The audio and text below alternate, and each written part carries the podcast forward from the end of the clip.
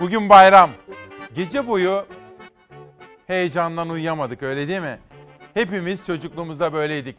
Bundan tam 100 yıl önce Büyük Millet Meclisi kuruldu. Ve o meclis işgal altındaki ana yurdumuzu düşmanlardan kurtarmak üzere seferber oldu. Ve o meclis Cumhuriyetimizin temeli oldu. Ve biz, biz hepimiz bu ülkeyi çok sevenler, bundan 100 yıl önce demokrasi, özgürlükler, bağımsızlık, bütün bu kavramlarla tanıştık aslında. Bugün İsmail Küçükkaya ile Demokrasi Meydanı'nda 100 yıl önce öğrendik diye bir başlık attık.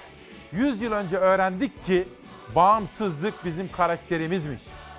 100 yıl önce öğrendik ki özgürlük olmadan bir şey olmazmış. 100 yıl önce öğrendik ki milli iradeye dayanırsa bir ulusun, bir halkın, bir devletin sırtı yere gelmezmiş. İşte bugün özel bir yayınla karşınızdayız. Saat 10.45'e kadar bugün demokrasinin, özgürlüklerin, meclisimizin, bayramımızın 23 Nisan'ın kıymetini bileceğiz. Gayet tabii ki haberlerim var. Koronavirüsle ilgili mücadele, Türkiye'den, dünyadan özel haberler, ekonomiye olan yansımaları, hayatın içinden sürprizler. Ama Hilal hazır mıyız? Günaydın Türkiye'm. Çok kıymetli Çalar Saat ailesi. Türkiye'de yaşayan Avrupa'daki gurbetçilerimiz, dünyanın dört bir tarafındaki memleket hasretiyle yananlar. Günaydın. Bayramımız kutlu olsun.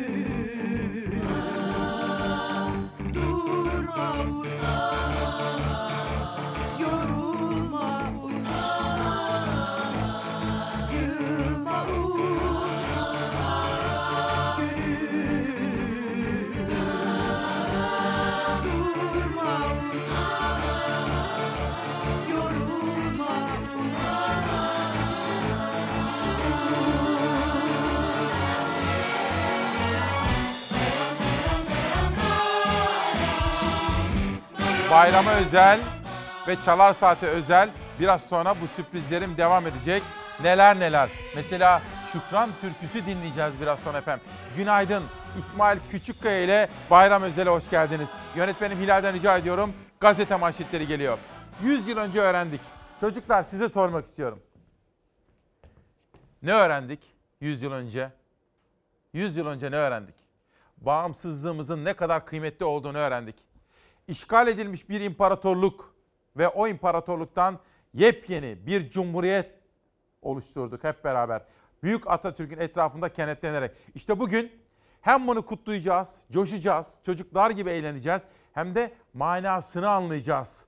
Özel konuklarım olacak bugün sizlerle. Özel hazırlıklarım var. İşte bugün hürriyetle başlıyorum. Nice yüzyıllara diyor. 23 Nisan Ulusal Egemenlik ve Çocuk Bayramı kutlu olsun. Egemenlik kayıtsız şartsız milletindir anlayışıyla 23 Nisan 1920'de kurulan Türkiye Büyük Millet Meclisi bugün 100 yaşında. Atatürk'ün çocuklara armağan ettiği Ulusal Egemenlik ve Çocuk Bayramı'nı büyük bir coşkuyla kutluyoruz. Şu, koronavirüsle mücadele kapsamında sosyal mesafe kurallarına dikkat ediyoruz. Dışarıya çıkmıyoruz. Ama sevinci içimizde patlatacağız. Kalbimizde dünyalara kadar yetecek yer var. Evlerimiz, balkonlarımız, odalarımız Türk bayraklarıyla, balonlarla süslenecek. Atatürk posterleriyle süslenecek efendim. Hürriyete ikinci manşet için döneceğim ama şimdi Sözcü gazetesine geçiyorum. Sözcü gazetesi Atatürk 23 Nisan'ı ilk ona anlattı. İşte 23 Nisan'ı çocuk bayramı yapan sohbet. Yıl 1922. Atatürk Konya'da. Nuriye İdil isimli öğrenci Atatürk'e çiçek sundu. Atatürk arkadaşlarını, çocukları okulu seviyor musun diye sordu. Nuriye çok seviyorum paşam. Çok seviyorum dedi. Atatürk de ona o halde her sene dünyanın her yerinden çocukları davet edeceğim. Onlarla oynayın, kaynaşın karşılığını verdi. Bu sözler 23 Nisan'ın çocuk bayramı olacağını müjdeliyordu diyor. Dünyada dağılmakta olan bir imparatorluktan modern cumhuriyet kuran büyük bir askeri ve siyasi deha o. Dünyanın görmüş gö- görmüş olabileceği en büyük siyasi dehalardan birisi ve aynı zamanda çocuklara bayram armağan edecek kadar içindeki çocuğu her zaman canlı tutan, yaşatan, çocukların kıymetini bilen büyük bir insan o. Dolayısıyla bugün atamızı, şehitlerimizi, gazilerimizi minnet duygularıyla anıyoruz. Hürriyet ve Sözcü gazetelerinin korona ile ilgili haberlerine döneceğim. Ama şimdi sabaha geçiyorum. Güçlüyüz, gururluyuz. 23 Nisan Ulusal Egemenlik ve Çocuk Bayramı kutlu olsun. Bugün Büyük Türk milletinin gurur günü. Bugün Milli Egemenliğin 100. yılı. 83 milyon 23 Nisan'ı evlerde ayrı ayrı ama aynı ruhla, aynı coşkuyla tek yürek olarak kutluyoruz diyor. Ve Sabah gazetesinin editörleri Diyarbakır'dan Sivas'a, Antalya'dan İzmir'e, ülkemizin çok farklı noktalarından fotoğrafları ve çocuklarımızın şenliklerle ilgili görüntülerini yayınlamışlar birinci sayfada. Sabah gazetesinde de korona ile ilgili ikinci manşeti biraz sonra sizlere anlatacağım. Şimdi pencereye geçiyorum. Eğitim. Plana göre Eylül'de ders başı yapılacak. Normale nasıl dönülecek? Okullar ne zaman açılacak? Pencere gazetesi bu soruların yanıtını arıyor. Okulların ne zaman açılacağıyla ilgili bakanlıktan açıklanan henüz kesin bir tarih yok. Henüz kesin bir tarih yok ama planlar sürüyor. Milli Eğitim Bakanı Selçuk, telafi eğitimleri için Temmuz ve Ağustos'u çok düşünmüyoruz. Mayıs ve Haziran üzerinde, Eylül ve Ekim üzerinde yoğun bir planlamamız, çalışmamız var dedi. Bilim Kurulu üyelerinden Doktor Yamanel, her şey umduğumuz gibi giderse en iyi ihtimalle Haziran'ın ikinci veya üçüncü haftası okullar açılabilir derken Doktor Kara ise bir ay sonra açılması çok zor dedi. O halde 23 Nisan özel yayınında ilk manşeti koronavirüsle mücadelede 22 Nisan'dan 23 Nisan'a geçerken en güvenilir, en sağlıklı, en bilimsel bilgilerle buyurun başlatalım.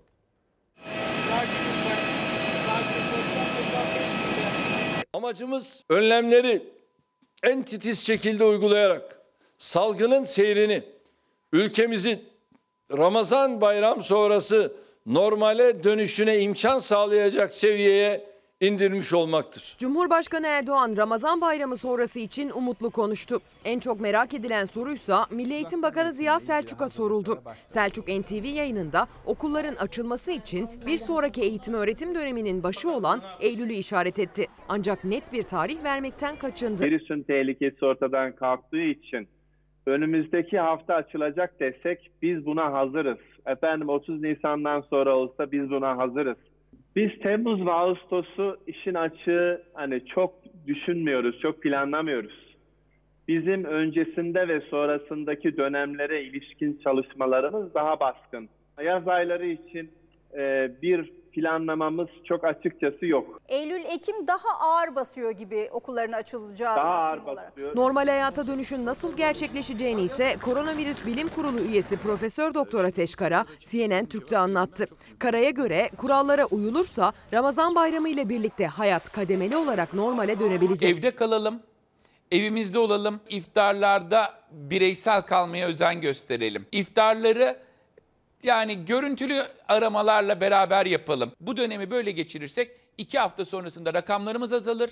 Bayram bayram sonrasında da biz ciddi anlamda toplum içinde rahatlayacak aktivitelere başlarız diyoruz. Lokantalarımız açılır ama açık alanda 2 metre mesafeyi artırırız. Öyle başlarız. Berberimiz açılır ama deriz ki saatte bir müşteri alacaksın. Bu yaz sosyal mesafenin korunduğu, önlemlerin alındığı bir tatil yapmak da mümkün olabilir. Deniz suyu evet doğru bulaştırmaz. O bakımdan rahat olalım. Havuz suyuyla bulaşma ihtimali yok. Tatil yapılabilir. Ama aradaki mesafeye en azından bu dönemde dikkat edelim. Yurt dışından turistlerin gelebileceği, futbol maçları ya da basketbol karşılaşmalarının yeniden oynanabileceği günlerse iyimser bir tabloda ancak bir ay sonra gündeme gelebilir. Futbol maçı da olsa, basketbol maçı da olsa kişiler çok iç içe, çok yakın hale geliyorlar. O nedenle de seyirciler o kadar kalabalık geldiğinde ne olabilir? Sporcular birbirleriyle bu kadar yakın hale geldiklerinde birbirlerine bulaştırma olabilir mi? Evet doğru, rahatlayacağız. Ama Eylül'de, Ekim'de böyle büyük bir salgın olasılığını da düşünerek planlarımızı yaparak hazırlıklı gitmemiz lazım. Tüm bunların gerçekleşebilmesi için kurallara sıkı sıkıya uyulması, hasta ve can kaybı sayısının azalması gerekiyor. Yani hayatın ne zaman normale döneceğini bu tablolar belirleyecek. Şimdilik tablo evde kalın diyor. Türkiye'nin koronavirüse karşı verdiği mücadelede bir günde 3083 yeni hasta tespit edildi. Toplam hasta sayısı 98.674'e yükseldi.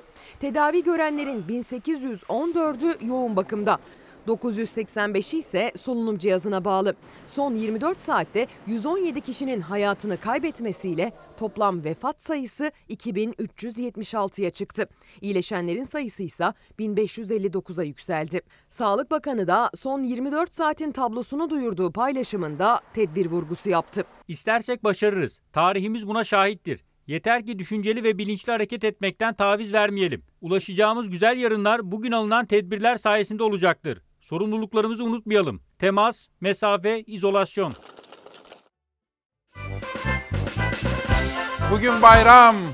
23 Nisan. Hep neşe doluyor insan.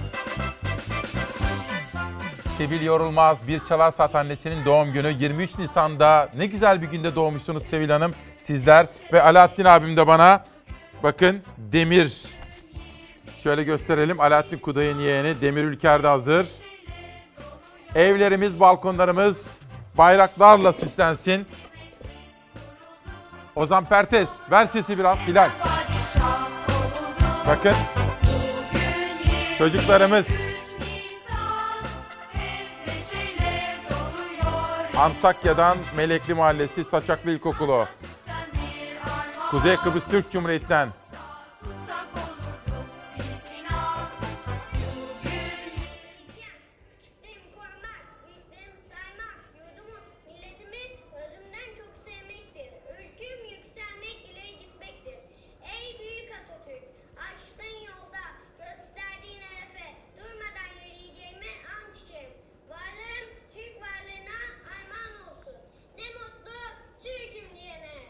Bu ülkenin çocukları.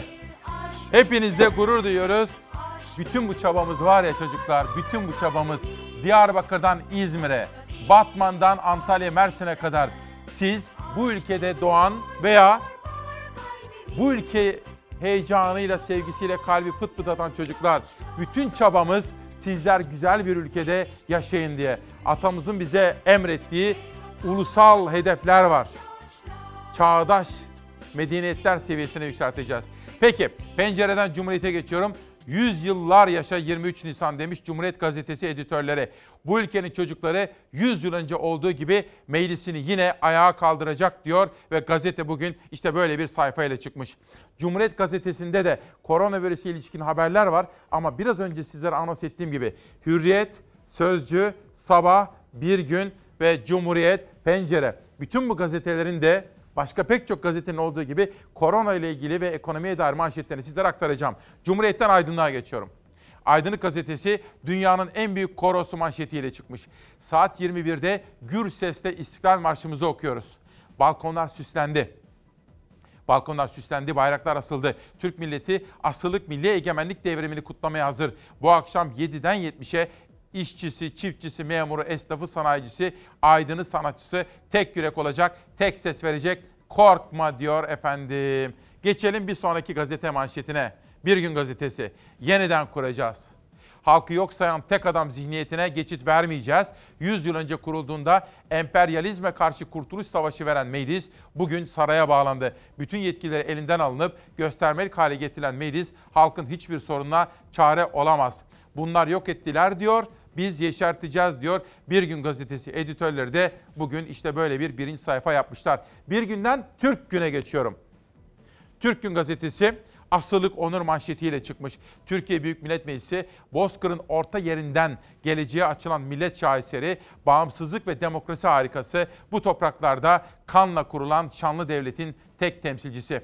Bu arada MHP lideri Devlet Bahçeli hem meclisteki törenlere katılacağını söyledi hem de sağlığı el veren herkesin de orada olması gerektiğini söyledi. Biz de bu duyarlılığı için Devlet Bahçeli'ye teşekkür ediyoruz.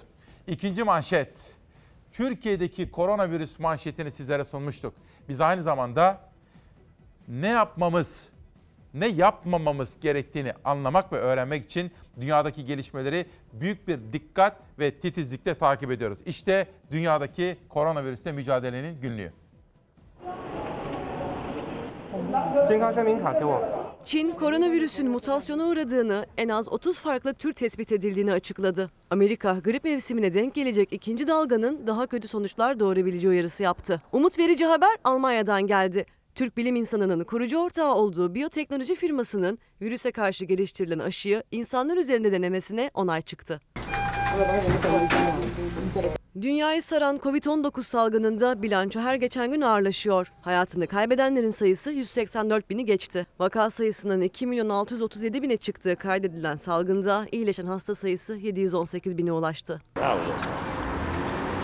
Koronavirüse çare arayışı hızlandı. Çin'de bilim insanları virüsün ilk tespit edildiği günden bu yana değişimini mercek altına aldı. Çıkan sonuç endişe vericiydi. Bilim insanları mutasyona uğrayan virüsün en az 30 türe ayrıldığını tespit etti. Bazı türlerin 270 kat hızlı çoğalabildiği ve çok ölümcül olduğu açıklandı. Araştırmaya göre virüsün en ölümcül tipi Avrupa'da görülürken en hafif türleri Amerika'ya yayıldı. Çinli bilim insanları mutasyonların daha hafif olmasının ölüm riskinin daha düşük olacağı anlamına gelmediğini de söyledi. Salgın konusunda bir uyarı da Amerika'dan geldi. Amerikan Hastalık Kontrol ve Önleme Merkezi Direktörü koronavirüsü ikinci dalganın grip mevsimine denk geleceğini hatırlattı. Covid-19 salgını için çok daha kötü geçebileceğini savundu. Artacak vakalarla Amerika'nın sağlık sistemi üzerinde büyük baskı oluşacağını belirtti. Can kaybının 47 bini aştığı Amerika'da hemşire isyanı yaşanıyor. Beyaz Saray önünde toplanan hemşireler koruyucu ekipman eksikliğini protesto etti. Amerika'da en fazla ölümün görüldüğü New York'ta ise Hemşireler Birliği virüse karşı korunmasız bırakıldıkları iddiasıyla eyalet yönetimi ve iki hastaneyi dava etti. Son 24 saatte 763 kişinin ölmesiyle can kaybının 18 bini aştığı İngiltere'de Sağlık Bakanı Hancock salgında tepe noktasına ulaştıklarını açıkladı. İngiliz Bakan alınan önlemlerde henüz gevşeme yapılmayacağını söyledi. Aşı çalışmalarının sürdüğü 70'ten fazla ülkeden biri olan İngiltere'den önemli bir adım daha geldi. Oxford Üniversitesi'nin geliştirdiği koronavirüs aşısının insanlar üzerinde denenmeye başlayacağı açıklandı. Aşı konusunda umut verici bir adım da Almanya'da atıldı. Almanya Covid-19 aşısının klinik denemelerine başlanacağını ve insanlar üzerinde test edileceğini duyurdu. Testleri Türk bilim insanı Profesör Doktor Uğur Şahin'in kurucu ortağı olduğu biyoteknoloji firması yapacak. Aşı ilk etapta 18 ile 55 yaş arasındaki 200 sağlıklı insan üzerinde denenecek. Dünya salgının ne zaman sona ereceğini tartışırken Birleşmiş Milletler'den kıtlık uyarısı geldi. Şu an 135 milyon kişinin açlıkla karşı karşıya olduğu salgın sonrası bu rakamın ikiye katlanabileceği belirtildi. Bugün bayram. Hep neşe doluyor insan. Biz bayramı kutlarız. Biz bayramlarımızı kutlarız. Çünkü bu devletin nasıl kurulduğunu atamızın ve dedelerimizin, ninelerimizin emperyalizme karşı nasıl mücadele verip paramparça olmuş, işgal edilmiş bir imparatorluktan taptaze genç, güçlü bir cumhuriyeti nasıl kurduklarını biliyoruz. O bilinçle biz 19 Mayıs'ları kutlarız. 23 Nisanları kutlarız. Cumhuriyet bayramlarımızı kutlarız. 30 Ağustosları kutlarız. Bizler milli ve dini bayramlarımızı coşkuyla kutlarız. Günaydın İsmail Bey. Bayram coşkusunu evimize kadar getiriyorsunuz. Ahmet Berk Yılmaz benim torunumdur. Bugün onun da doğum günü diyor Mehmet Dönmez. Ozan Pertez ver coşkuyu ver Hilal. Türkiye'm evlerinde hissetsin. Evlerdeki, balkonlardaki bayrakları görmek istiyorum. Gelin şöyle. Özgür, Ali Emir sizi bekliyor diyor bakın. Aferin.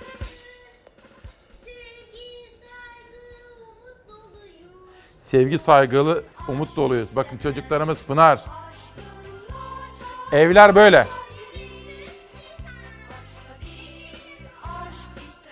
Çocuklarımız 7'den 77'ye bakın. Görkem Ezgi Göksu'nun çocuğu. Biraz sonra sizlere Diyarbakır'dan, Batman'dan, Van'dan neşeli çocuklar ve oradan sizlere güzel videolar da anlatacağım. Bütün Türkiye'den. Gelin şimdi sosyal medyada bu coşku nasıl yaşanıyor onları size anlatayım. İlber Ortaylı tarihçimiz 100 yıl önce Mustafa Kemal Paşa Ankara'ya geldi. İnsanları etkilemek bir deha gerektirir. Herkes vatanı seviyor ve kurtarmaya çalışıyordu ama Mustafa Kemal Paşa lider nitelikleriyle halkı bir araya getirmeyi başardı. Mücadelenin merkezi Ankara olacaktı. Bugün bu özel sabahta bir bilim insanını, bir tarihçiyi Hikmet Özdemir hocamızı davet ettim. O yayınımıza katılacak ve bize kahramanımızı anlatacak. Profesör Doktor Hikmet Özdemir kahramanımızı bize anlatacak. Geçelim biraz sonra. Ekrem İmamoğlu yaşasın 23 Nisan, yaşasın Türkiye Büyük Millet Meclisi dedi. Bir video paylaştı. Video gerçekten çok hoş, izlenmeye değer. İlerleyen dakikalarda sizlere onu da anlatacağım. Çarşı grubu 23 Nisan Ulusal Egemenlik ve Çocuk Bayramı'nı kutlarız dedi.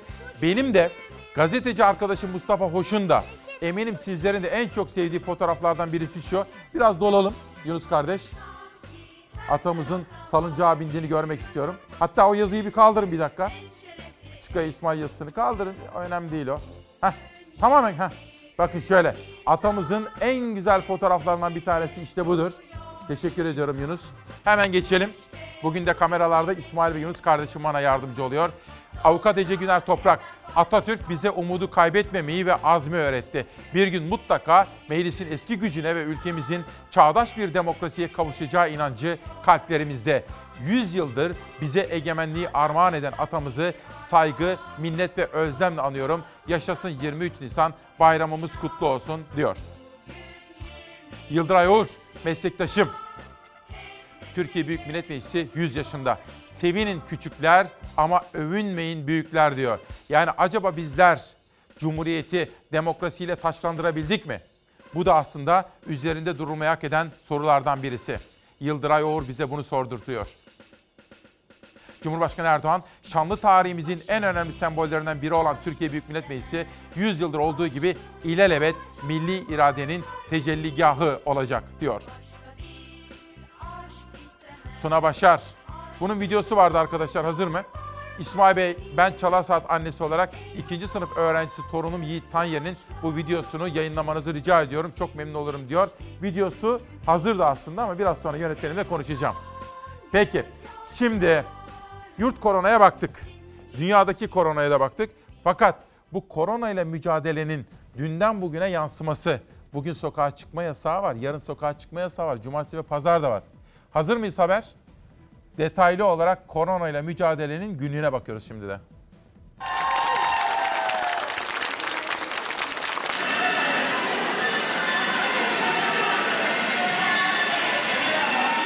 Önce pasta kestiler, sonra halay çektiler.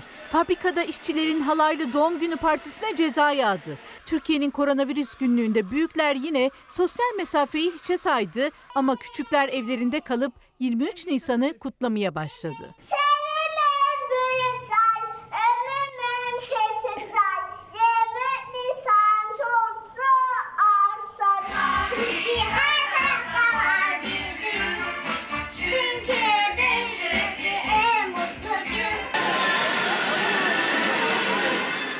Görüntüler Düzce'de bir tekstil fabrikasında çekildi. İşçiler toplanıp patronlarına doğum günü sürprizi hazırladı. Neredeyse hiçbirinin yüzünde maske yoktu. Birbirlerine yakın durmaktan da geri kalmadılar. Doğum günü pastası kesildikten sonra sıra halaya geldi. Halayda da manzara değişmedi.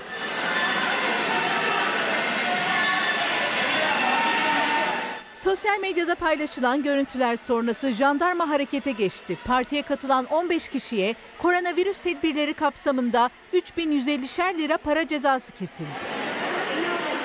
İstanbul Büyükçekmece'de de Nijeryalı Ebuka Can E yeni doğan çocuğu için villasında parti verince polis baskın düzenledi. O sırada içeride bulunan yabancı uyruklu 46 kişinin her birine 3180 lira para cezası uygulandı. Denetim noktasında vatandaşların seyahat belgelerini kontrol ediyoruz. İstanbul'dan otobüsle yola çıkarak Van'a gelen 22 kişinin ise seyahat belgeleri sahte çıktı. İstanbul otogarında bazı firmalar hem biletini satıp hem de sahte belge düzenleyerek vatandaşları göndermektedir. Şu ana kadar bugün 22 tane ilimizi gelen sahte belgeli vatandaş gördük. 4 günlük kısıtlama öncesinde sokaklar koronavirüs öncesini aratmadı. Ramazan alışverişi yapmak isteyenler çarşıya, halk pazarlarına akın etti. Ramazan'dan dolayı bir alışveriş yapalım dedik ama maalesef bu pazarda da bir kimse sosyal mesafeyi de korumuyor. Biz de korumuyoruz yani ama bunun önüne de geçemiyoruz. Trabzon, İzmir, Bursa, Adana, Antalya ve daha birçok şehirde her ne kadar denetim sıkı tutulsa da sosyal mesafe çoğu kez unutuldu. Yoğunluk değil, mahşer günü gibi. Şu vatandaşa bir bakın bakayım. Sırt sırta iç içe. Yapış yapış geziyor. Yani görevli ne yapsın, vatandaş ne yapsın? Kimse kurallara uymuyor. Yığılma var bak çok fazla. Virüsü yenip iyileşenler yüzleri güldürdü. Bursa'da 18 günlük kız bebek 8 günde sağlığına kavuştu. 8. günden sonra yaptığımız testte ise bebeğimizin negatifleştiğini görmüş olduk. Ve Türkiye Cumhuriyeti'nin kurucusu Ulu Önder Atatürk'ün bayram hediye ettiği çocuklar 23 Nisan coşkusu erken başladı. Birçok şehirde sokaklar, binalar Türk bayraklarıyla donatıldı.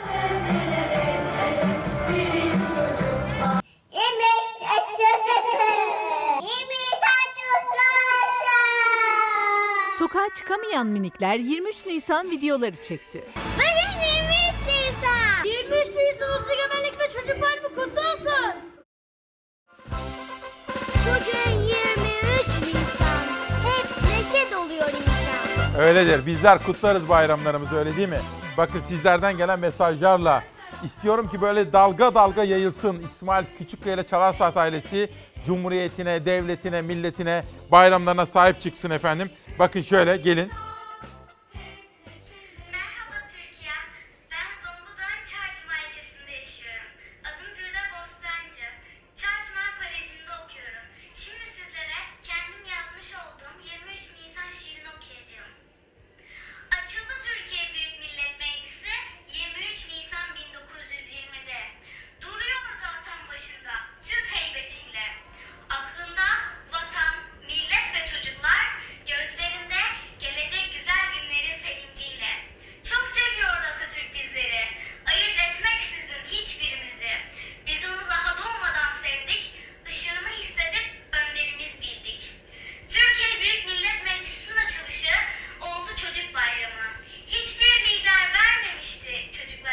Ya işte böyle bakın.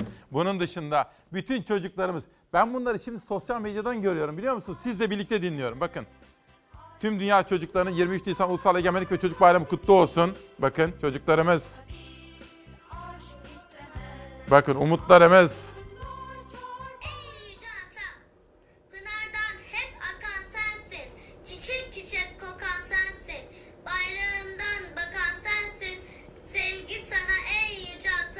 Sevgi sana ey yüce atam. Bakın çocuklarımız.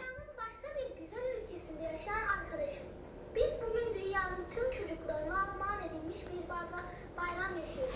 Bugün sizlere yüzlerce çocuğumuzla onların bayram coşkusuyla sizleri umutlandırmak istiyorum. Çünkü ben umutlanıyorum.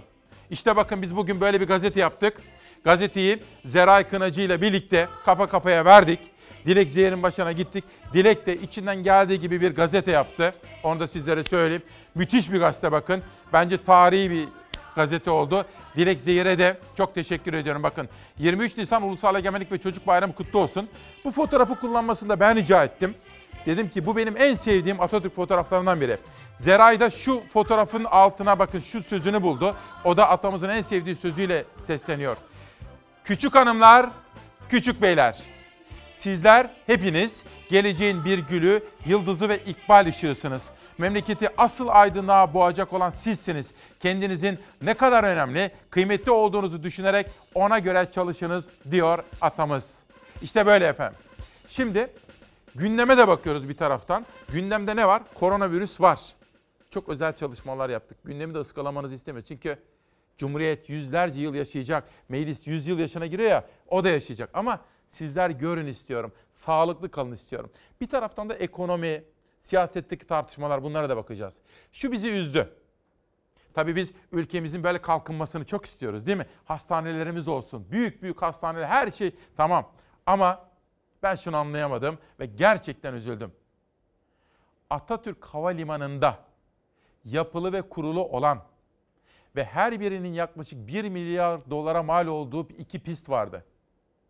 Biz neden o hastaneyi kurarken hastaneyi kuralım çok güzel. Ama biz neden oradaki boş alanları kullanmak veya boş kul, boş durumda bulunan o terminal binasını hastaneye çevirmek dururken biz neden o uçak pistini yıktık da kırdık da hastane yapıyoruz? Bu beni gerçekten ziyadesiyle üzdü. Atatürk Havalimanı'nın binası. Morgu var. Morgu var. Tuvaletleri var. Ee, havalandırma sistemi var. Mescidi var. Artı oteli var. Artı metrosu var. Her şeyi var. Süratli bir şekilde hastaneye dönüşebilir. Süratli bir şekilde yani çok büyük yatırımlar yapmadan. Her şey hazır. Orayı yapmadılar. Niçin? Çünkü yandaşa ihale vermek lazım. O bile istismar ediliyor. O bile yani. Atatürk Havalimanı pistinde süren hastane inşaatına Kılıçdaroğlu istismar dedi. 8 Nisan'da piste ilk kazma vuruldu. Tam iki hafta sonra bugün böyle görüntülendi havadan inşaat çalışması. 45 günde yapımı biteceği Cumhurbaşkanı tarafından açıklanan hastane için ana muhalefet lideri vakit ve nakit kaybı eleştirisi yöneltti. İçim acıyor gerçekten. Ya bu milletten, fakirden, fukaradan, yeni doğmuş çocuktan vergi topluyorsun ya. Ya bu vergiyi nereye? Bakın bu hastaneyi verdin. Kaça verdiler bilen var mı? Yok. Yok. Cumhurbaşkanı Erdoğan, Adana Büyükşehir Belediyesi'nin ihtiyaç olabilir diyerek yaptığı Sahra Hastanesi'ni merkezi hükümetin yaptığı şehir hastaneleriyle kıyaslayınca CHP'den yanıt gecikmedi. Güya kendilerince hükümetle yarışa kalktılar. Fuar merkezlerini Sahra Hastanesi diye yutturmaya kalktılar. Sahra hastaneleri hızlı kurulan, hızlı sökülen yerler. Hani biz bir şehir hastanesi, biz tam teşekkül bir hastane kurma iddiasına çıkmadık ki. Olası bir artmada, bir patlamada hazır hale getirelim. İyi niyetli bir girişim. Tartışmanın odağındaki isim Adana Büyükşehir Belediye Başkanı Zeydan Karalar, İsmail Küçükkaya ile Çalar Saat programında konuştu. Ben olsam derim ki ya Zeydan Karalar eline koluna sağlık. Bu bir hastane, Sahra Hastanesi kurmaya çalışır. Ne eksiğim var tamamlayalım. Şov yapmaktır. Özellikle İstanbul, Adana ve Mersin belediyelerinin sergiledikleri tavrın başka hiçbir izahı yoktur. Şehir hastaneleri yapıyoruz diyorlar. Yapın gayet güzel. Vergi veren sade bir vatandaş olarak bunu kaça yaptın, kaça mal ettin ben bunu öğrenmek istiyorum. Erdoğan kendi cebinden ödeyecekse, kendi servetinden ödeyecekse doğrudur ben bu soruyu soramam. Benzer bir soru da İstanbul'da 14 gündür yapımı süren pandemi hastanesi için oldu Kılıçdaroğlu'nun. Bakın bu hastaneyi verdin. Kaça verdiler bilen var mı? Yok. Yok. Hava, kara ve yeraltı ulaşımının merkezinde olan Atatürk Havalimanı'nın kullanılmayan birçok boş binası olması nedeniyle pandemi hastanesine dönüştürülmesi fikri ortaya atılmıştı. Bu şekilde hem inşaat süreci bypass edilecek ve ortaya hızla bir hastane çıkacaktı. Ancak pandemi hastanesi pist alanında yeni bir inşaatla yükselmeye başladı. Muhalefetin eleştirileri sürerken bir de soru önergesi geldi. Orada başka bir şey var, başka bir amaç var. T3'ün yaptığı Teknofest etkinlikleri vardı geçen yıl. Onun hemen arkasında da Etnospor etkinlikleri vardı. Acaba bizim hastane olarak önerdiğimiz terminal binaları bunlara tesis mi edildi? Bir kişiyi davet ettiler. Dediler ki sen gel şuraya bir hastane yap diye. Bugün 23 Nisan. Hep neşe doluyor insan. Bilal böyle güzel oluyor. Atamız, bayrağımız. marşımız. Güzel oluyor. Bugün 23 Nisan. Bundan tam 100 yıl önce meclis kuruldu. Bugün işte bunun anlamını, manasını konuşmamız gerekiyor. Hem coşalım istiyorum. Bu arada sizlerden Twitter'da ve Instagram'da çocuklarımızın odalarını, evlerimizi, balkonlarımızı, pencerelerimizi bayraklarla, o şanlı bayraklarımızla, atamızla, liderimizle süslemenizi istiyorum efendim. Bana böyle fotoğraflar gelsin. Ben şimdi izninizi isteyeceğim. Zeray'la ve danışmanım Nihal Kemaloğlu ile konuşacağım. O arada sizlerden gelen videoları gözeteceğim. Savaş Yıldız da onları hazırlıyor. Dolayısıyla bugün 10.45'e kadar muazzam bir yayın olacak. Çok kıymetli tarihçimiz Hikmet Özdemir Hoca da bize kahramanımızı anlatacak. Birkaç kitap tanıtım yapmak istiyorum. Artvin Kültür Sanat Ustaları Aksu Şiir ve Değişler Antolojisi imzalı olarak bana geldi. Teşekkür ediyorum. Uluslararası İlişkiler Sözlüğü Mert Yalçınkaya'dan geldi. Bu arada saatler 8.22'ye doğru gidiyor. Rahmetli İbrahim amcanın, İbrahim Güner amcamın kitaplığından bana emanet. Hayatım boyunca saklayacağım. Büyük bir adam, tek adam Mustafa Kemal, Şevket Süreyya Aydemir. Bugün işte bu kitaplığı da, bu kitabı da ben kitaplığımdan aldım size getirdim. Çocuklar, büyükler, bayramımız, bayramımız kutlu olsun.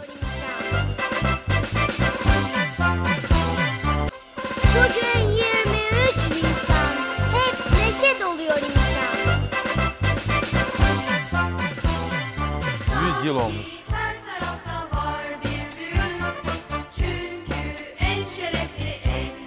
gün Bugün bayram. 23 Nisan Hep neşeyle Çocuklarımızdan videolar yağıyor efendim. Bugün bayram. 100 yıl önce meclis kuruldu. Meclis kurulduğunda yurdumuz düşmanların işgali altındaydı. Atamız meclisi kurarak, milli iradeye dayanarak düşmanlarla mücadeleyi sergiledi. Cumhuriyetimizin temeli işte o gün atıldı. Gelin şöyle çocuklarımıza bir bakalım. Bugün manşetimizi söylemek istiyorum. 100 yıl önce öğrendik. Bağımsızlığın ne demek olduğunu 100 yıl önce öğrendik. Bakın çocuklarımız. İpek, çocuklarımız Esma Akpınar, çocuklarımız Bahargiller. O kadar çok geliyor ki efendim bakın. Egemenlik kayıtsız ve şartsız milletindir. Çocuklarımız. Dün hazırlıklarımı yaparken sosyal medya taraması da yapıyordum. Ümit Nazlı Boyner'den bir video gördüm. Şöyle gelin bakın. Biz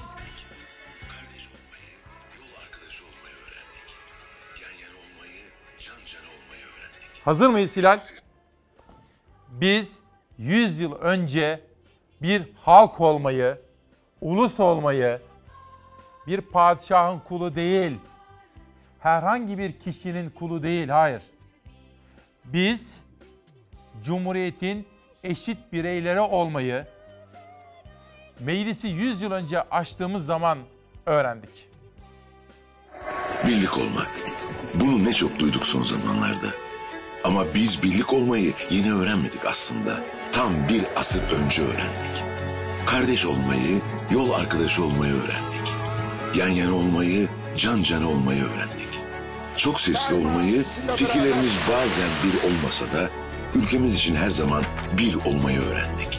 Biz ulus olmayı, birlikte güzel olmayı 100 yıl önce atamızdan öğrendik.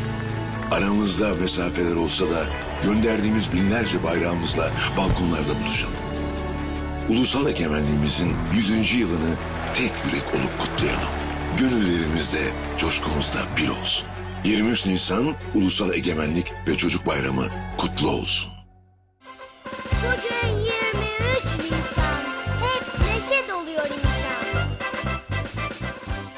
O heyecan, fotoğraflar hepsini yayınlayamıyorum ama Serpil Dudu çocuklarıyla, Mahmut Solak Subaşı, aldım fotoğraflarınızı, torunların fotoğraflarını. Gemlik'ten Mahmut abimiz teşekkürler. Ankara'dan eğitimde Ahmet Hançerlioğulları. Çocuklarımıza verebileceğimiz en güzel armağan diyor, onlara eğitim vermektir diyor. Bilimsel, çağdaş ve evrensel eğitim onları dünyaya hazırlamaktır diyor eğitimci Ahmet Hançerlioğulları. Ona da teşekkür ediyorum. 100 yıl önce öğrendik ki bağımsızlıktan daha değerli hiçbir şey yok. İşte çocuklarımız. Onlar bugün kırmızı beyaz, onlar ellerinde Türk bayraklarıyla Beliz ve Berk. Mutlu bayramlar çocuklar. Ünal dayı, Ünal dayı mutlu bayramlar. Ayşe ve Cansu Akyıl, nice bayramlarınız olsun çocuklar. Yüz yıl daha yaşasın, yüzlerce yıl yaşasın Miyanur Balcı. Cumhuriyetimiz gibi, Cumhuriyetimizin temeli meclisimiz yüz yıl yaşasın, yüzlerce yıl yaşasın diyoruz. Manisa'dan Gül kardeşler geldi. Her şey çocuklarımız için diyorum. Nil ve kuzeni Masal. Nil de bizim Özkan Tamirak, benim gazeteci arkadaşımın kızı. O ve kuzeni Masal. Çok bayramlarınız olsun çocuklar. Ve Trakya'dan kalbiyle dünyayı gören bir kızımız Doğa Baykal. Çorlu'dan. Celal, o da Gaziantep'ten. Güzel bayramları olsun diyorum Celal Çayırlı'nın da. Peki çocuklar yüreğinizde bu sevgiyi, bayramı, atamızı hissedin. Sanki her tarafta var bir düğün Çünkü en şerefli en mutlu gün Bugün 23 Nisan Hem neşeyle doluyor insan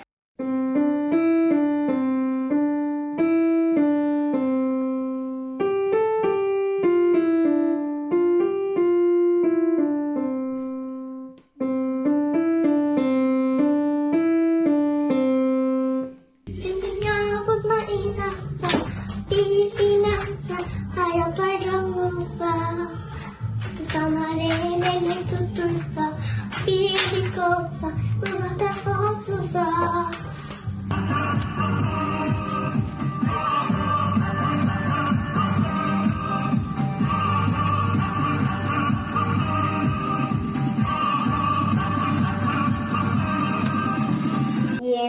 Nisan Ulusal Egemenlik ve Çocuk Bayramımız kutlu olsun. Kalbimiz neşeyle dolsun.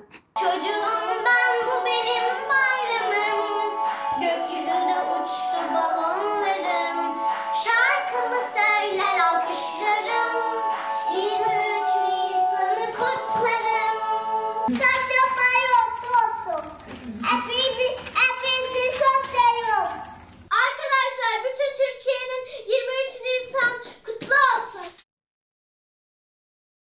Çocuklarımız bayramını kutluyorlar. Bir cumhuriyet insanıydı Mete Bora. Kızı Zeynep Bora da aramızdan ayrılışının 3. yılında onun mirasını daima yaşatacağız diyor. Bir kültür ve sanat insanıydı, bir müteşebbisti. Mete Bora'yı da saygıyla anıyoruz. Hüseyin Kış da Mersin'den gönderdiği mesajda çocuklarımız için yapabileceğimiz en önemli şey çok çalışmaktır diyor efendim. İşte gazeteler. İlk turda Türk Gün Gazetesi'nin manşetini bir asılık gurur diyen o manşeti sizlere sunmuştum. Şimdi Yeni Çağ Gazetesi. 23 Nisan Ulusal Egemenlik ve Çocuk Bayramı coşkusu Türk çocuğu uzattığın o eli asla bırakmayacak diyor. Gazi Mustafa Kemal Atatürk'e bir özel sayfa yapmışlar. Geçiyorum bir sonraki gazeteye. Milliyet Gazetesi erken saatlerde size farklı gazetelerden de sunmuştum. Bu arada Milli Eğitim Bakanı da beraberindeki kordejle birlikte Anıtkabir'e gitti. Saygı duruşunda bulundu çocuklarımız ve öğretmenlerimiz adına.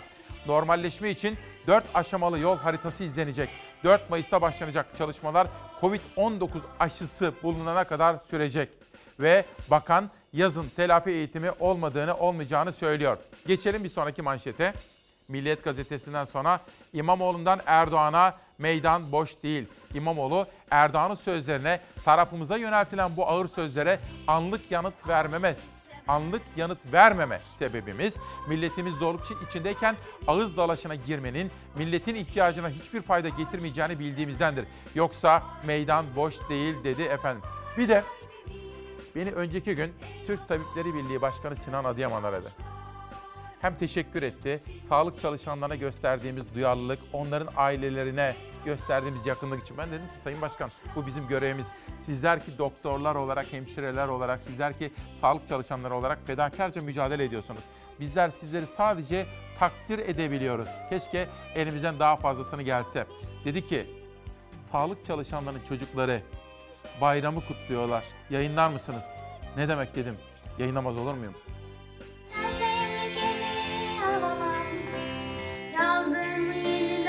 Yazamam Çaldığımı baştan çalamam. Bir daha geri dönemem. Akıyorsa gözyaşım kurumasın. Coşup seven gönlümse durmasın. Dost birlik anılarım çağırmasın. Bir daha geri dönemem. Hiçbir kere hayat bayram olmadı ya da Her nefes alışımız bayramdı Mutlu yaşatan iyi senin Aldım elime sazımı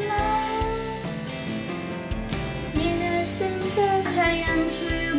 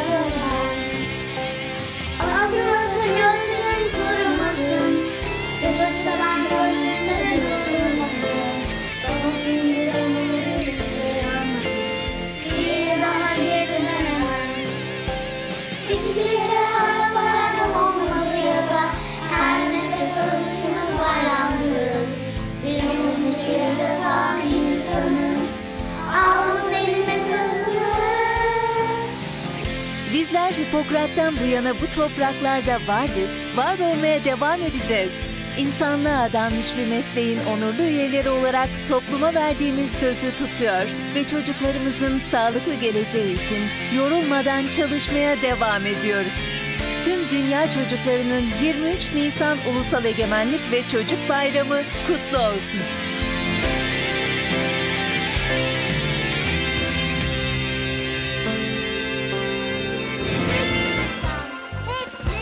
Sağlık çalışanlarımız.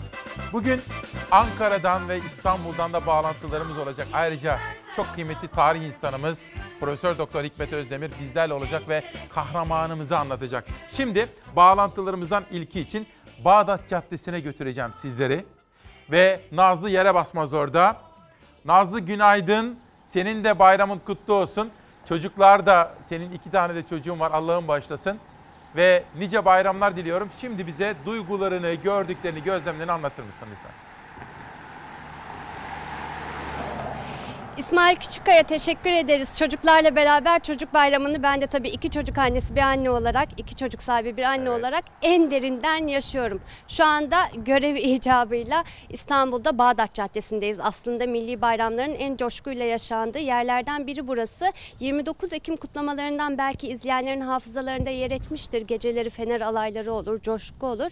Aslında 23 Nisan'da da İstanbul'da Türkiye'nin her yerinde bu gibi caddeleri okul bahçelerinden gelen çocuk sesleri inletirdi. Şiirler, şarkılar ama şimdi sessiz, sakin çünkü olağanüstü günlerden geçiyoruz ama coşkumuz içimizde çünkü daha olağanüstü günlerden geçerek bundan tam bir asır önce millete armağan edilen bir egemenliği kutluyoruz. Milletin egemenliğini kutluyoruz ve yıllar sonra da milletin geleceği olan çocuklara armağan edildi bugün. Bir bayram olarak hala 100 yıldır biz bu bayramı yaşıyoruz. Bugün de fiziki olarak koronavirüs günlerinde okul bahçelerinde coşkuyla tören alanlarında yaşayamasak da evlerde saklıyoruz o coşkuyu içimizde ve akşam saat 21'i bekliyoruz.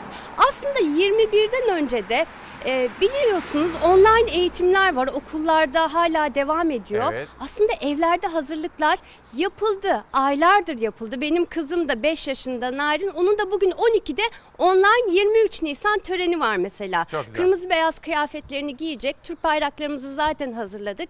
Bir şiir hazırladılar. Online ortamda onlar bayramlarını kutlayacaklar. Saat 21 geldiğinde ise biz gelirken de gördük İstanbul şahane bir manzaraya kırmızı beyaza bürünmüş durumda. O balkonlara, camlara çıkılacak ve Türkiye hep bir ağızdan İstiklal Marşı'nı seslendirecek. Sokaklar inilecek. Ama bir de İstanbul'a özel bir etkinlik var. Yedi Tepe'den Yedi Kıtaya etkinliği. Cumhurbaşkanlığı organize ediyor bu etkinliği de. Yedi büyük e, sanatçı, e, 7 kıtadan İstanbul'un farklı 7 tepesinden se- eserlerini seslendirecek ve tüm dünyaya Cumhurbaşkanlığı İlet- Cumhurbaşkanı İletişim Başkanlığı'nın YouTube sayfasından bu yayın yapılacak. 23 Nisan coşkusunu koronavirüs salgınıyla yaşadığımız bu günlerde her şeyin başı sağlık dediğimiz bu günlerde bu şekilde kutlamaya çalışıyoruz İsmail Güzel. Küçükkaya. Nazlı bir kere daha kutluyorum. Fakat aklıma şu geldi.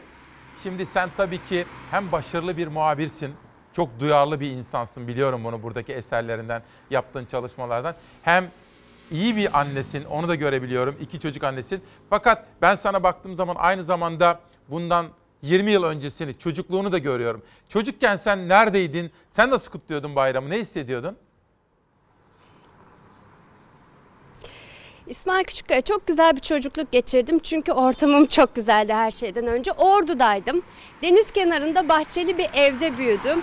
O yüzden çocukluğumu dışarıda bir apartmana e, sıkışmadan diyeyim kibar tabirle geçirebildim. E, şimdi de aslında çocukluğumu tekrar yaşıyorum diyebilirim. Çünkü bir 3 yaşında bir de 5 yaşında iki evladım var. Onlara Onlarla beraber çocuk olmaya çalışıyorum. Çünkü görüyorum ki yani 5 yıldır çocuk sahibi olduktan sonra görüyorum ki çocuk beyninden daha parlak bir şey yok. Yani ben onlara bir şey öğretirim. Belki düşünüyoruz anne babalar çocuklara bir şey öğretir diye düşünüyoruz ama konuştukça konuştukça ben aslında onlardan ne kadar çok şey öğreniyorum diye e, görüyorum. Biraz önce yayınladığınız şarkıda da çok güzel bir söz vardı aslında. Bir umuttur yaşatan insanı aldım elime sazı diyor. Yani Tabii. çocuklar zaten umut demek. Onlar bizim geleceğimiz, umudumuz. Onlar tertemiz bir beyin, bembeyaz bir sayfa.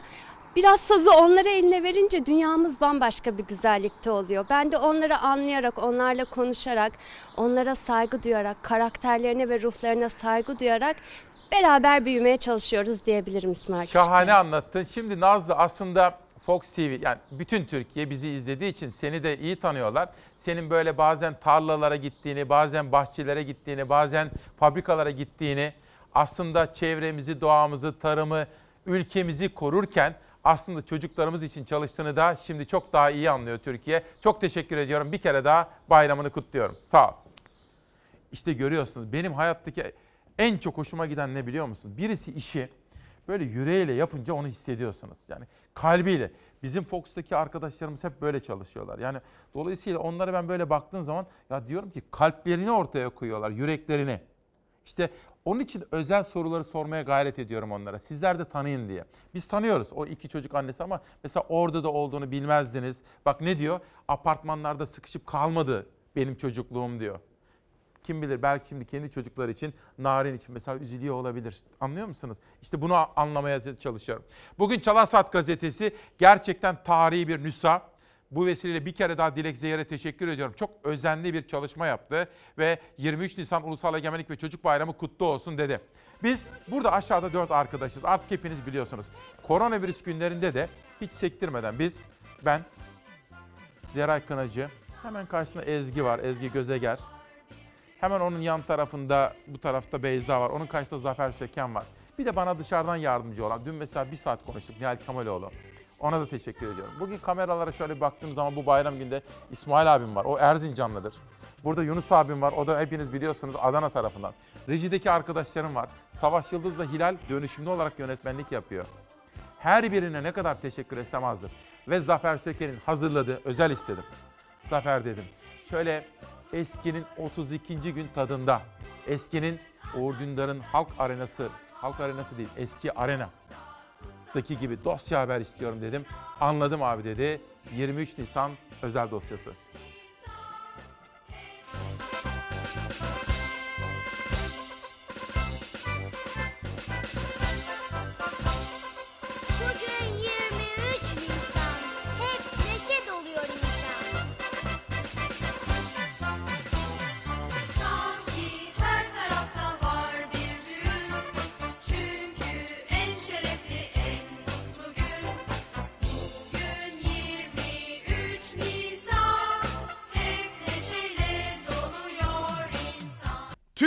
23 Nisan 1920'de kendi kaderini tayin için tarihi bir adım attı. Mustafa Kemal'in öncülüğünde Büyük Millet Meclisi kuruldu. Türk milletinin kaderinin değiştiği bugün çocuklara armağan edildi. Bayram coşkusu Türk milletinin kalbinde 100 yıldır hiç eksilmedi. Değerli vekillerini saygı ve sevgiyle selamlarım. 23 Nisan 1920'de işgalcilerle işbirliği yapan İstanbul hükümetine karşın Ankara'da Milletin Meclisi kuruldu. İşgal altındaki vatan için daha yapılacak çok iş vardı. Önce düşman yurttan atılacak, saltanat kaldırılacak, sonra milletin kaderi yeniden yazılacaktı. Savaşın ertesiydi binlerce çocuk yetim kalmış babasını şehit vermişti. 23 Nisan öksüz çocukları bir nebze olsun sevindirmek, bir günde olsa acılarını unutturmak için 1921'de bayram ilan edildi.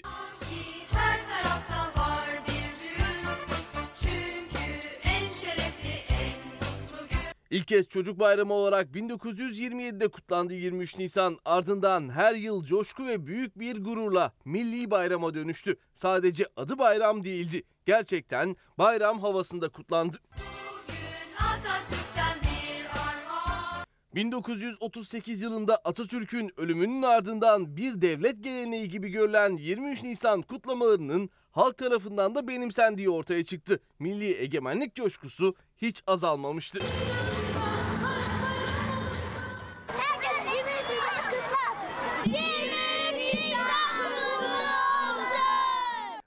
1979'a gelindiğinde ise Milli Egemenlik ve Çocuk Bayramı'nın kapsamı genişletildi. Tüm dünya çocuklarına adandı. İlk kez o yıl uluslararası 23 Nisan Çocuk Şenliği başlatıldı.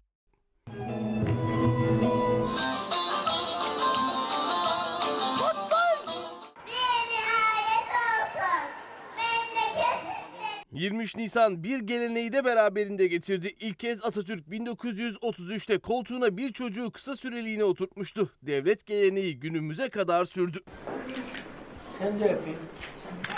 Bu yılsa 23 Nisan daha önceki yıllara göre biraz buruk geçecek. Koronavirüs nedeniyle herkes evinde yaşayacak bayram coşkusunu. Saat 21'de ise tüm Türkiye evlerden, pencerelerden, balkonlardan İstiklal Marşı'nı okuyacak.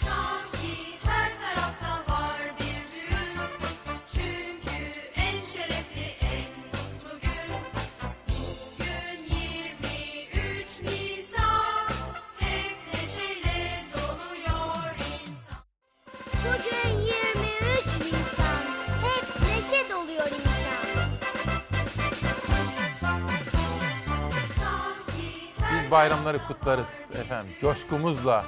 Çünkü biz bu ülkenin nasıl kurulduğunu biliyoruz. Çocuklarımıza o sevgiyi vereceğiz. Ben bana bu cumhuriyet sevgisini, Atatürk aşkını, memleket sevgisini aşılayan kıymetli anneme, rahmetli babama, öğretmenlerime, üzerimde emeği geçen, başta rahmetli Mustafa Demirçakan öğretmenim, sonra isimlerini tek tek söyleyemeyeceğim bütün öğretmenlerime teşekkür ediyorum. Sizler de sorumlusunuz anneler, babalar. Başkalarından beklemeyin. Çocuklara bu sevgiyi sizler aşılayacaksınız. Ender Çalışkan, o da bir müzik insanı. Sağlık çalışanları ile ilgili o video konusunda yoğun çalı- istek geliyor. Ender Çalışkan kardeşime de çok teşekkür ediyorum. Gümbür gümbür hissedin içinizde. Bakın çocuklara. Bunlar Twitter'dan bakın.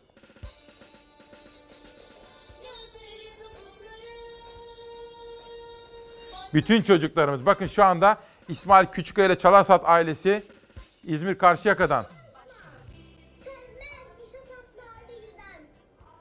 Evleri böyle süsleyin bayraklarla.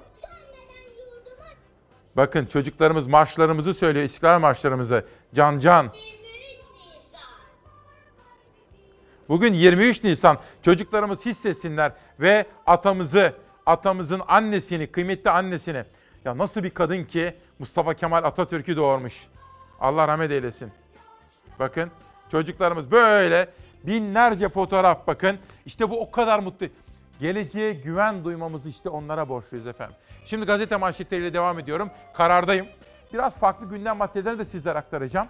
Az evvel ifade ettiğim gibi Hikmet Özdemir'le konuşacağız. Kahramanımızı bize anlatacak ama bunun dışında üzüldüğümüz, kaygı duyduğumuz siyasi gelişmeleri de net ama yapıcı bir dille anlatacağız ki iktidarları uyaralım. Çünkü bizim görevimiz bu. Bizim görevimiz iktidarlar mutlu olsun diye görev yapmak değil. Hayır. İktidarları net ama yapıcı bir dille uyarmak, sorunları göstermek ama aynı zamanda çözüm önerilerini de sunmak. Gerçek vatanperverlik işte bunu gerektirir. Biz gazeteciyiz. Biz birilerini memnun etmek için var değiliz. Biz halkımız için buradayız. Bu unutulmasın. İşte gündem maddeleri. Mücbir sebep çağrısı, karar. Virüs önlemlerinin ekonomiye olumsuz yansımalarını azaltmak amacıyla destek adımları atıldı. Ancak düzenlemelerin dar kapsamlı olması nedeniyle önemli bir kesimin mağduriyeti giderilemedi. Ekonomiye can suyu olacak geniş kapsamlı paket çağrıları arttı. Kısa çalışma ödeneğinde devlet katkısı %60'ın üstüne çekilsin diye bir çağrı var. Desteklerden bütün sektörler faydalanabilsin. Özellikle düşük bütçeli esnaf neden kapsam dışı kaldı diye bir soru. Ayrıca turizmde de konaklama vergisini erteleme yetersiz bulunuyor. Turizm katkı payı ödemelerinin 2021'e kadar iptal edilmesi isteniyor. Elektrik, su, doğalgaz ödemelerinin 3 ay dondurulması önerisi de ayrıca gündeme geldi. Kararda bir haber daha var. Sonra geçeceğim bir başka manşete hürriyete. En büyük hata belediyelere yardım yasağı. Deva Partisi lideri Ali Babacan Karar TV'ye konuştu. En büyük hata belediyelere yardım yasağı getirilmesi oldu diyor. Koronavirüs önlemleri sığ kaldı. Böyle giderse ekonomi hem durgunluk hem de yüksek enflasyonu aynı anda yaşayacak. Bu çok tehlikeli diyor. Ve başka pek çok hususu değerlendirirken ama en çok da üzerinde durduğu konu belediyelerin yardım toplarken merkezi iktidar tarafından yasaklanması, engellemesi Ali Babacan tarafından bu büyük bir hata diye tanımlanıyor. Ben de burada belediyelerin yardım toplamasına şu şu şu şu gerekçelerle de olsa engel getirilmesini hem bir vatandaş hem bir seçmen hem de bir gazeteci olarak hiç de şık ve hiç de doğru bulmadığımı ve bunun siyaseten de iktidara yaramayacağını söylemek isterim. Sorun ekmek dağıtmak değil, izinsiz şekilde yapmaktır. Bu tür teşebbüsler geçmişte FETÖ ve PKK gibi örgütler tarafından da denenmişti. Bu üç belediye başkanımızı terör örgütlerinin liderlerine benzettiğin için bir an önce çık, kastımı açtım de. Tarafımıza yöneltilen bu ağır sözlere anlık yanıt vermeme sebebimiz milletimiz zorluk içindeyken ağız dalaşına girmenin milletin ihtiyacına hiçbir fayda getirmeyeceğini bildiğimizdendir. Yoksa meydan boş değil. Cumhurbaşkanı Erdoğan'ın ulusa sesleniş konuşmasında yardımlar üzerinden CHP'li belediyeler için yaptığı FETÖ PKK benzetmesi siyaseti gerdi. CHP özür beklerken İstanbul Büyükşehir Belediye Başkanı İmamoğlu yardıma devam dedi. Kim ne derse desin. Kulak asmayın. Bağışlarınızı, zekatınızı, fitrenizi hangi partiden olursa olsun fark etmez. Yaşadığınız yerin belediyesiyle paylaşabilir, ulaştırabilirsiniz. Ne Ekrem İmamoğlu, ne Zeydan Karalar, ne Vahap Seçer, Abdullah Öcalan'la, Fethullah Gülen'le direkt ya da en direkt temas içinde olmadı.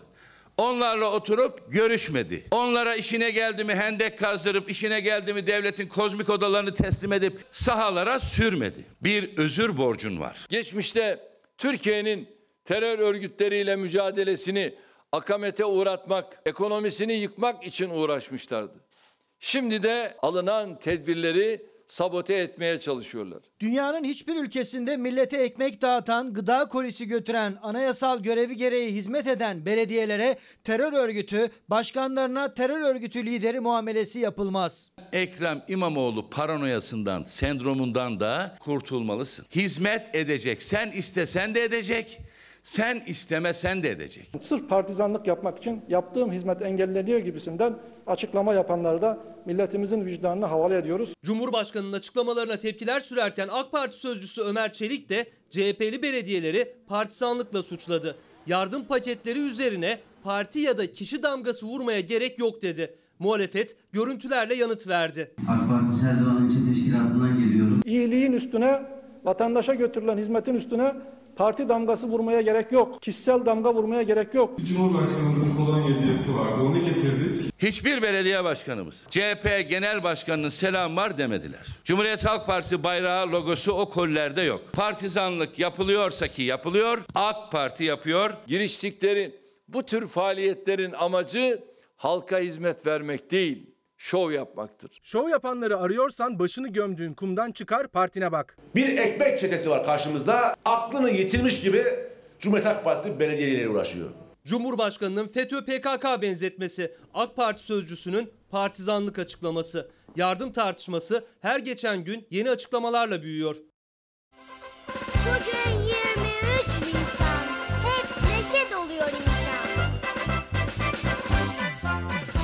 Sağlık çalışanlarımızın çocuklarını da unutmadık. Biraz sonra sizlere doğudan güneydoğudan seçtiğim fotoğrafları da aktaracağım. Bu arada Aa bakalım bir saniye kim gelmiş? Şöyle bir anlatacağım size bir saniye. Aa Tuna Hatipoğlu'nun fotoğrafı gelmiş. Şöyle gösterelim bakın.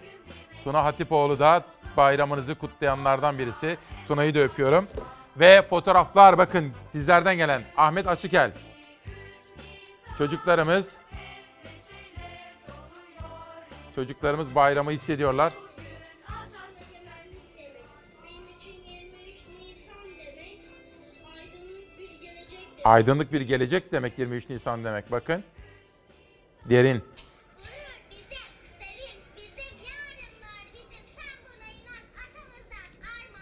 Yüzyıllar yaşa 23 Nisan. Evet bakın Yunus.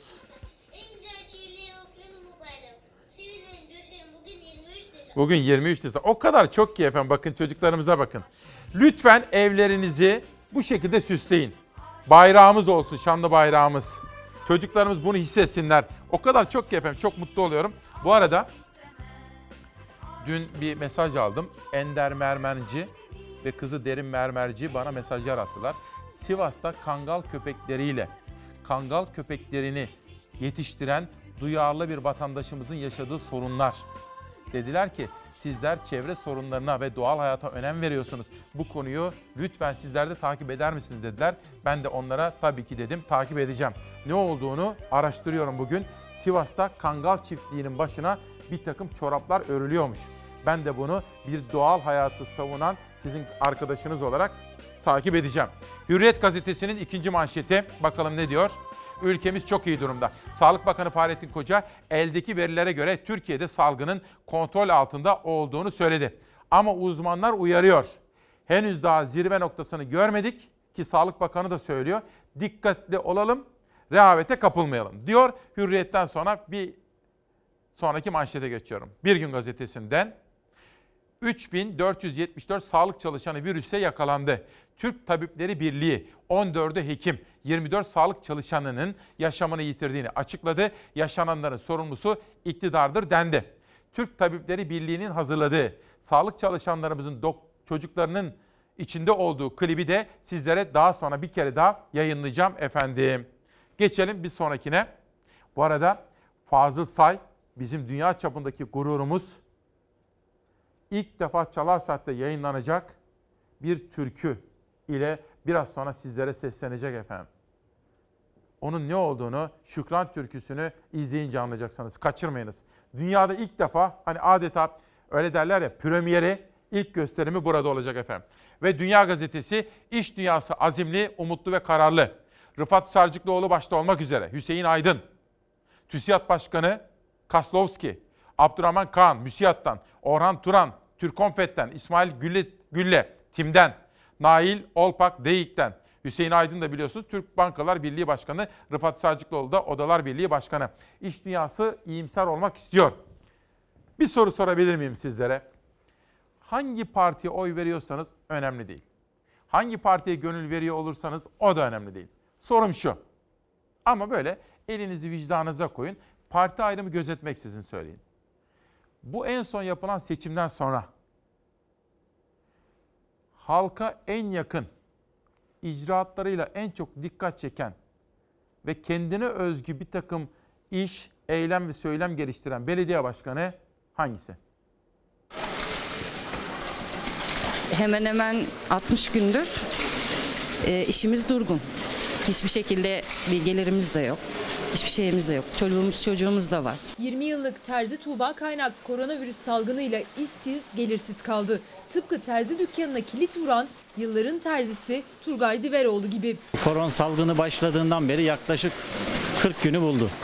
Dükkanımız kapalı. Borcumuz var.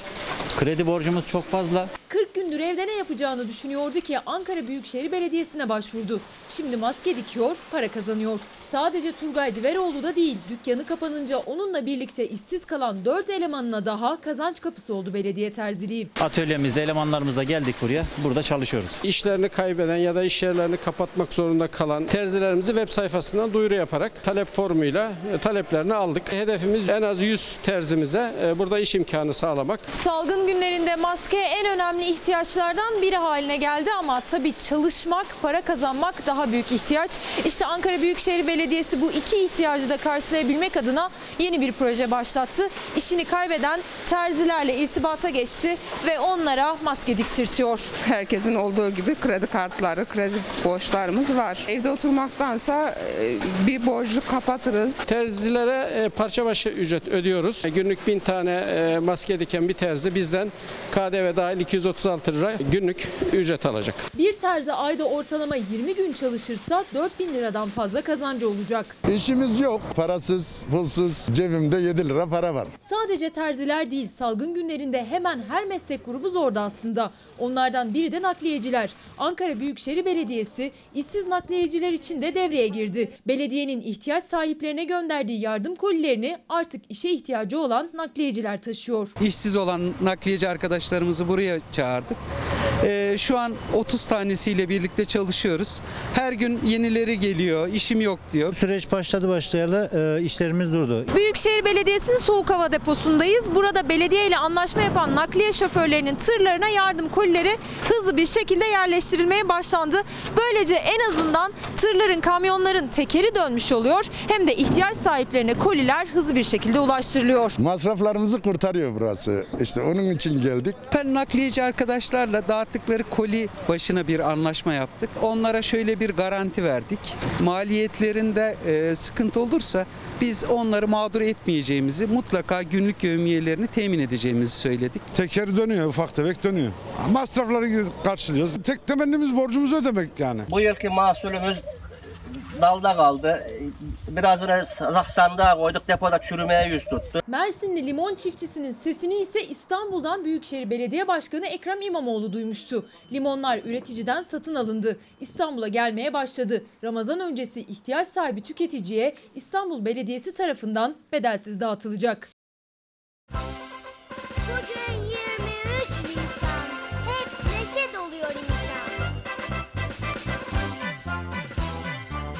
Çocuklarımız bakın. Bu arada bizi hastane odasından izleyen Ayhan Er, Ayhan amcamız hastalanmış ama iyileşecek. Şu anda hastane odasından Türkiye'ye mutlu bayramlar diliyor. Bakın çocuklarımız. Bu arada İffet hocamız, İffet Gümrü, o da bizi hastane odasından izliyor. 100. yıldayız. Bakın böyle olsun. Balkonlarınız, evleriniz. Çocuklarımız. Şimdi efendim Fazıl Say. Bizim dünya çapındaki sanatçımız. Ve Şükran türküsü besteledi. Hani sanatçılar şöyle söylerler. Premier yani ilk defa dünya sahnelerinde yayınlandığı o gün. Fazıl Say da tabii bir cumhuriyet insanı, bir cumhuriyet aydınlanmasına inanan bir sanatçı. Atatürk aşığıdır. Tabii anne baba öyle bir eğitim vermişler ona. Ahmet Say'ı da işte geçenlerde kaybettiği kıymetli annesini de saygıyla anıyorum buradan. Ve dikkatle takip edin. Çünkü şu izleyeceğiniz türkü, eser, Şölen türküsü, yapıt, dünyada ilk defa burada yayınlanacak ve şundan emin olun, sizin çocuklarınız ve sizin torunlarınız da dünyadaki başka akranları gibi 100 yıl sonra da bunu dinleyecekler. Dolayısıyla şu anda tarih yazılıyor.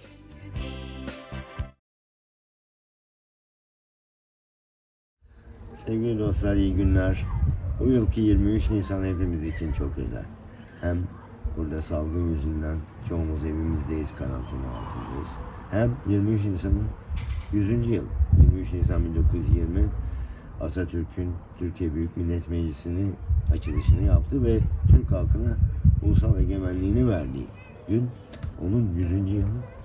Hem de çocuklara armağan ettiği, dünyanın tüm çocuklarına armağan ettiği gündür. Ee, biz çocukken hepimiz çok sevinirdik. 23 Nisan en sevdiğimiz gündü. Ama diğer konuya gelince ulusal egemenliğimize yani Türk halkının egemenliğine, özgürlüğüne ve iradesine bu hepimizi ilgilendiren bir konudur. Müzisyenleri de herkesi de. Dolayısıyla ben buna ithafen bir beste yaptım. Bestenin adı Şükran Türküsü. Atatürk'e duyduğumuz ve silah arkadaşlarına duyduğumuz Şükran, Türkiye Cumhuriyeti'ni kuranlar 100 yıl önce. Parça biraz içli bir dokudadır. Üzgün bir parça değildir, umut dolu bir parçadır aslında. Ve içinde bazen duyacaksınız diye tahmin ediyorum. İstiklal Marşı'na doğru, İstiklal Marşı'na yönelen bazı pasajları da vardır. Onu hissedeceğinizi düşünüyorum. O dönemin ruhunu yakalamaya çalışan, o dönemin umutlarını ve isteklerini ve cesaretini yakalamaya çalışan bir müzik. İyi dinlemeler efendim. Şükran Türküsü.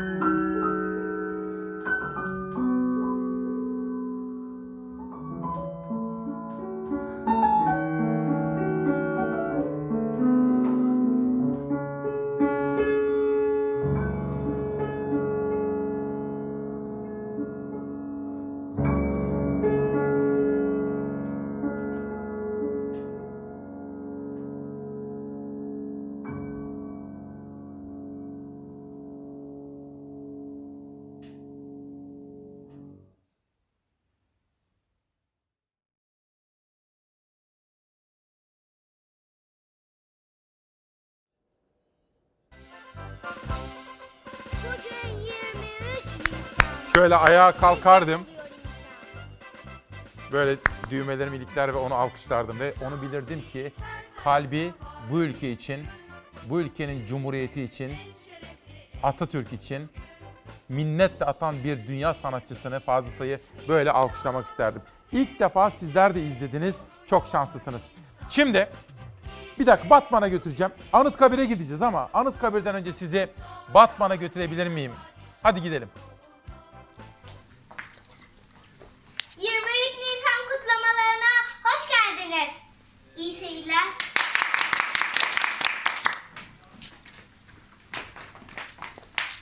Head, shoulder, knees and toes, toes. Head, shoulder, knees and toes, knees and toes. Şu 23 Nisan'ı ne kadar çok severim. Neden diye sorsalar kendi bayramım derim. Hiçbir bayram vermez bana onun tadını. At- atam çocuk bayramı koymuş onun adını. Yaşa 23 Nisan sevmeyen yok inan. Saçlarım unutlar. Neşe doluyor her yan. Bunlar bizim neşeli çocuklarımız. Bakın benim defterimde 23 Nisan'da şöyle yazıyor. Çocuklar geleceğimizin güvencesi, yaşama sevincimizdir. Bugünün çocuğunu yarının büyüğü olarak yetiştirmek hepimizin insanlık görevidir. Bu arada editörüm Zeray ve yönetmenim Hilal beni uyarıyor. Anıtkabir'e gidebilir miyiz? Bağlanalım Beril'e.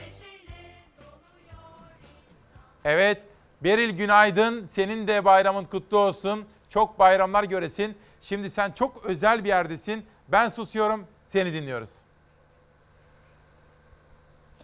Evet, millet iradesinin ete kemiğe büründüğü Türkiye Büyük Millet Meclisi'nin ve bugünün çocuklara armağan edilişinin 100. yılında çok tarihi aslında en özel yerlerden birinde Anıtkabir'in önündeyiz. Peki neden içinde değiliz?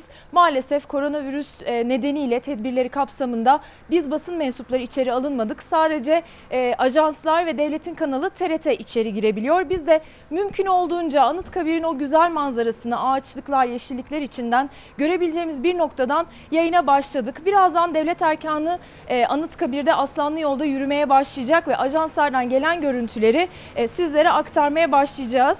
E, şu anda da yürümeye başladılar aslında. Benim önümde hemen bir monitör var. Ben de oradan bakarak sizlere aktaracağım. E, şu anda yürümeye başladılar. Cumhurbaşkanı Yardımcısı Fuat Oktay önderliğinde Cumhurbaşkanlığını temsilen Fuat Oktay var. E, CHP lideri Kılıçdaroğlu'nun İyi Parti lideri Meral Akşener'in katılacağını biliyoruz.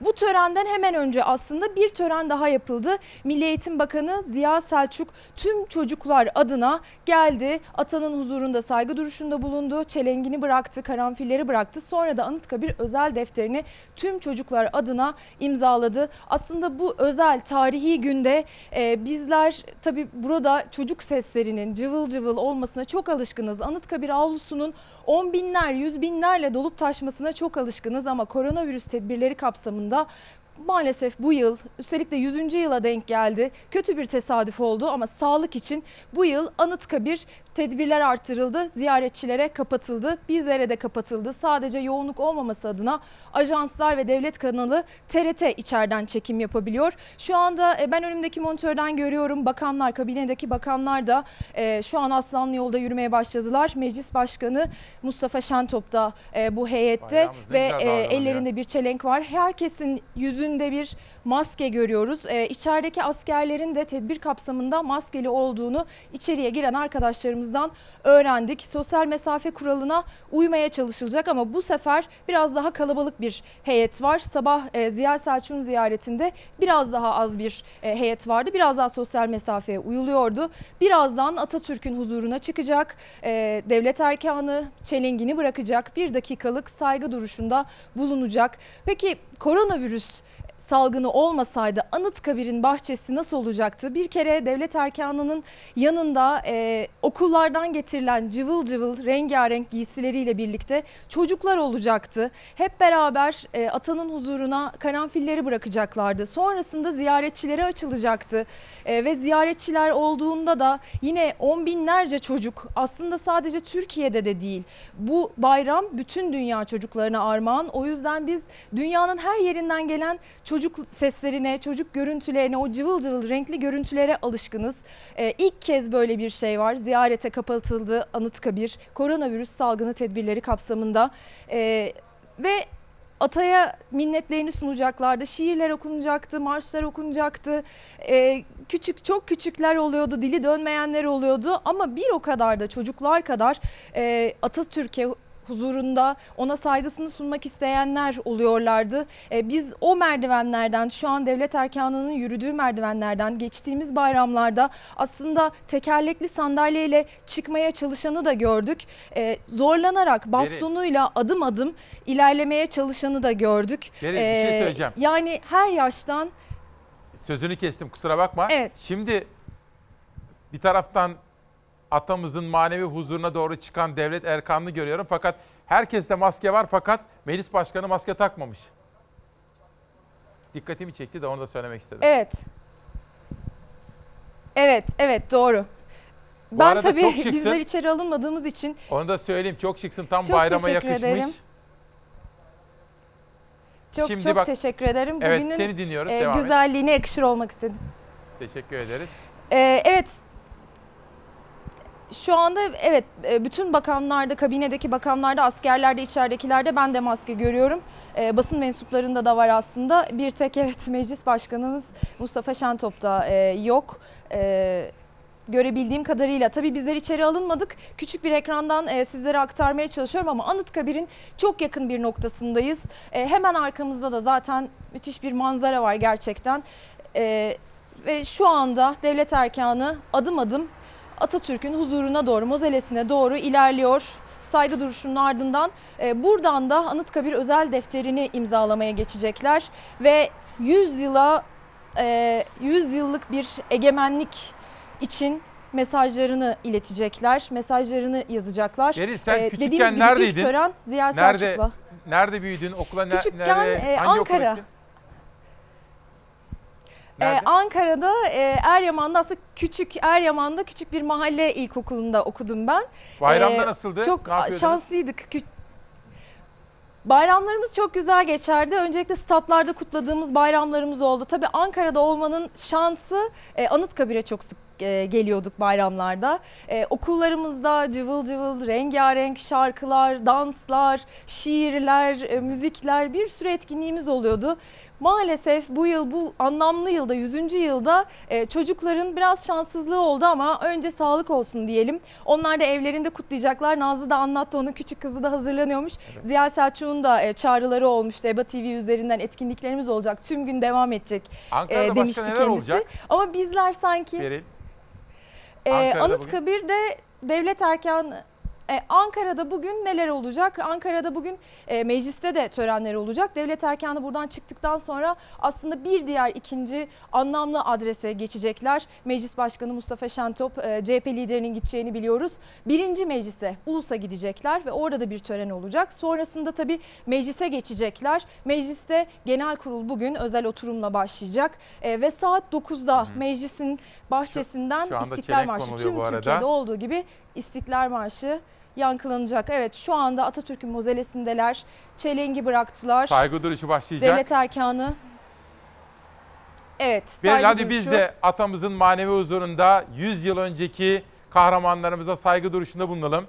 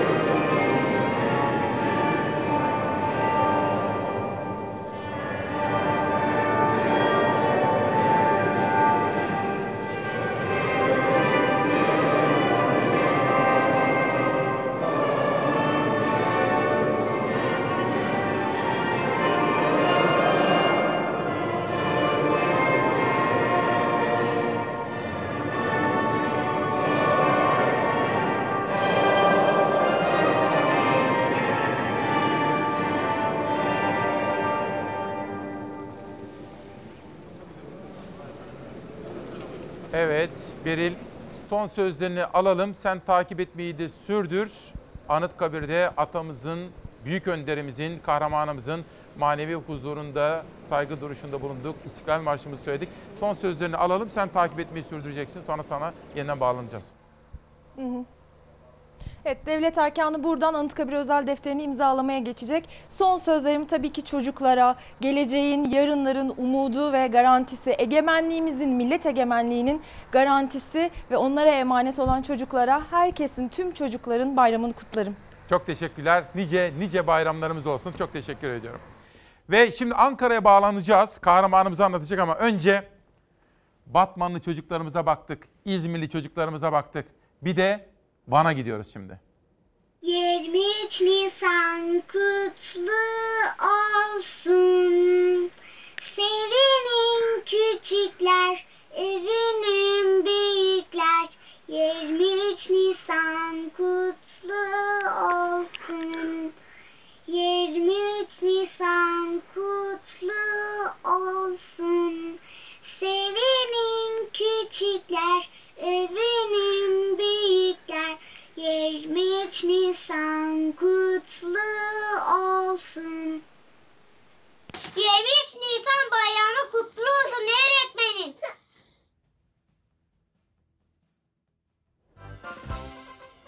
Şimdi Ankara'ya gidiyoruz ve Profesör Doktor Hikmet Özdemir. Sevgili hocam, sayın hocam, günaydın. Bayramımız kutlu olsun. Biz sizin kitaplarınızı çok okuduk ve siz de bu bayram sabahında bu özel 100. yılında bizimle birliktesiniz. Öncelikle size, sizinle birlikte ailenize, kıymetli eşinize ve kızınıza da sevgi ve saygılarımı sunuyorum. Bayramımız kutlu olsun hocam. Teşekkür ederim. Ee, sizin şahsınızda milletimizin, meclisimizin ve çocuklarımızın bayramını kutluyorum. Savaş seste bir sorun var. Bakmadınız mı ona? Hocam 100 yıl. Meclisimiz tam 100 yıl önce açılmış. 100 yıl ne demek? Ee, 100 yıl tabii ki milletlerin tarihinde e, büyük önem arz eder. Yani hele bizimki gibi e, Anadolu topraklarında bin yıldan beri oturan, bin yıldan beri devlet olarak Alparslan'dan Osman Gazi'ye, Sultan Fatih'e ve Mustafa Kemal Atatürk'e kadar uzanan bir devlet geleneğimiz var bizim. O bakımdan e, 100 yıl e, son derece anlamlı, e, adeta kutsallık kazanmış bir e, dönemdir bizim tarihimizde. Bir soru şöyle hocam. Şimdi sizin kitabınızda ben sezon başlarken sizin kitabınızdan çok alıntılar yaptım. Atatürk'le ilgili kitabınızdan. Kahramanımız diyorsunuz. Şöyle sorsam size. O kadar çalıştınız ki onun hayatını böyle kapandınız biliyorum. Kitaplara, kaynaklara, birinci el kaynaklara baktınız. Konuşmaları izlediniz. Kahramanımızın özellikleri diye size sorsam ne anlatırsınız? E, bu büyük insanın özelliklerini anlatmak e, gerçekten çok zor. E, onu anlamamız e, da o kadar kolay bir şey değil. Yalnız burada izin verirseniz önce Büyük Millet Meclisi'nin açılmasının ne anlama geldiği üzerinde bir değerlendirme yapmak istiyorum. Tabii ki buyurun. Ee, oradan da e, Mustafa Kemal Paşa'nın e, liderlik özelliklerine ve hatta bizim bugün de örnek almamız gereken e, liderlik mirasına, sürdürmemiz gereken liderlik mirasına doğru bir yolculuk yapmak istiyorum. Tabii ki. Şöyle ki e, 23 Nisan 1920 günü aslında biri içeriden, biri dışarıdan iki oluşumun e, birbiriyle karşılaşması ve bu karşılaşmanın ürünü olarak Ankara'da milli mücadelenin karargahı olmak üzere oluşturulan bir meclisin kurulmasıdır, bir meclisin açılmasıdır. Yani Büyük Millet Meclisi e, sıradan bir meclis değildir. Tarihteki başka örneklerinde bazılarında buna rastlıyoruz. Bir milli mücadeleyi, bir istiklal savaşını yönetmek için oluşmuş, e, meydana getirilmiş bir meclistir. Yalnız burada şuna dikkat etmemiz gerekiyor. Bu meclisin açılmasından kimler büyük bir sevinç duydular, kimler çok rahatsız oldular. Biraz önce söylediğim o içeriden ve dışarıdan iki büyük oluşumun karşılaşması işte tam bu noktada oluyor. Şöyle ki Evet. 19 Mayıs'ta Mustafa Kemal'in Samsun'a çıkmasından itibaren ki burada e, çok önemli bir e, nokta var. O da şu. e, büyük bir hızla adeta bir halıyı ilmik ilmik örer gibi Evet. Anadolu'nun hemen hemen ulaşabildiği her yerine ulaşmaya çalışıyor. Şimdi bu bir akıl aslında. Mustafa Kemal'in aklı bir akıl. Ve bu aklın aslında üstün bir akıl olduğunu, zafere gidecek tek akıl olduğunu biz daha sonraki e, bir yıl aşağı yukarı, e, nitekim 19 Mayıs'la e, 23 Nisan 1920 arasında yani 1919 ile 1920 meclisin açılma tarihi arasında yaklaşık bir yıl vardır. Şimdi 19 Mayıs'ta 1919'da İstanbul'da bir meclis var mıydı? Vardı. Hükümet var mıydı? Vardı. Bu hükümetin yetkilendirdiği bir ordu müfettişi olarak gitti Anadolu'ya. Fakat bu süreçte o İngilizlerin baskısıyla geri çağrıldı. Dönmedi. Ee, ve bir süre sonra da hem ordu müfettişliği görevinden alındı hem ordudan ihraç edildi ve kendisi de tabii bir bakıma e, bir karşılık vermek gereğini duydu. Arkadaşlarıyla beraber kararlaştırdılar ve kendisi istifa etti. Şimdi burada şunu görüyoruz. Siz bir ordu müfettişisiniz. Elinizde olağanüstü yetkiler var. Kol ordularla ilgili. Tabii ki bunlar e, harbe yönelik yetkiler değil ama bir güç var. Bir askeri güç var. Kol ordular. Gerçi o kol ordular bugün bildiğimiz kol ordulara benzemiyor. Daha az sayıda insandan oluşan e, topluluklar. Öte yandan mülki amirlere de yetki e, yetkilendirme yapabiliyorsunuz. Yani bir takım görevleri tevdi edebiliyorsunuz. Birdenbire e, 8 Ağustos gecesi bütün bu imkanları kaybediyorsunuz. Kendi tabirinizle ferdi millet oluyorsunuz. Yani milletin bir ferdi oluyorsunuz. Birdenbire bir sıfır noktasına geliyorsunuz. Ve oradan milli liderliğe doğru bir yolculuğa çıkıyorsunuz.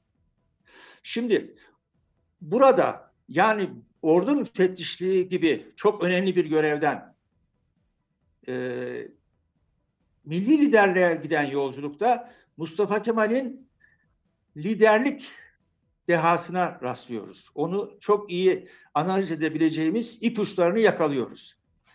Bunlardan birincisi Mustafa Kemal e, bana göre en önemli liderlik mirasıdır, liderlik özelliğidir. Teşkilat kurar ve teşkilatı yönetir.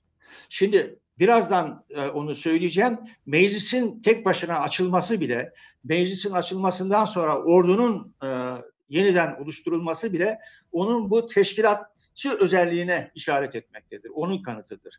Yani teşkilatlanan bir lider var, teşkilat kuran bir lider var ve o teşkilatları da bizzat yöneten bir lider var. İkinci önemli özelliği Mustafa Kemal'in liderlik açısından bunu arkadaşları daha sonradan e, saptıyorlar.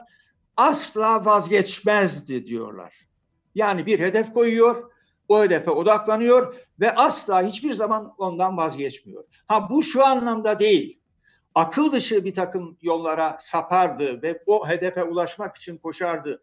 Çılgın, çılgın falan böyle bir şey değil. Tam tersine son derece akılcıdır. Nitekim Sakarya Meydan Muharebesi'nde ordunun geri çekilmesini akıl etmesi yani hattı müdafaa yoktur, sattı müdafaa vardır. Bu satır bütün vatandır şiarını e, orduya tebliğ etmesi ve orduyu geri çekmesi aynı zamanda onun nerede duracağını, nerede durması gerektiğini bilen, bilen bir lider olduğunu gösterir. Evet. Üçüncü önemli özelliği de sizin sorunuza e, son olarak bunu söylüyorum. E, üçüncü önemli özelliği de Mustafa Kemal bütün hayatı boyunca hesap verebilen bir lider olmuştur. Ve bu özelliği çok ama çok önemlidir. Bundan dolayıdır ki onun katıldığı işte Erzurum Kongresi ve Sivas Kongresi Evet. ve daha sonra oluşumunu adeta tek başına yönlendirdiği Büyük Millet Meclisi onun hesap verebildiği yerlerdir. Şöyle ki Sivas'la ilgili özellikle bir şeyi vurgulamak istiyorum.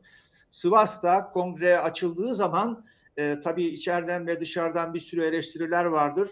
Derler ki işte bu Sivas'ta toplananlar ittihatçı. Bunun üzerine şöyle bir eğilim gel- belirir. Biz bir yemin metni hazırlayalım Evet. ve bu yemin metninde de iddiatçı olmadığımızı e, belirtelim. Şimdi bu bize şunu gösteriyor. Milli bir işe kalkışıyorsanız, Evet. bu Sivas Kongresi olabilir, meclisi açmak olabilir, Evet. parti siyasetiyle yola çıkamazsınız. Ancak Milli- ve milli ancak siyaset.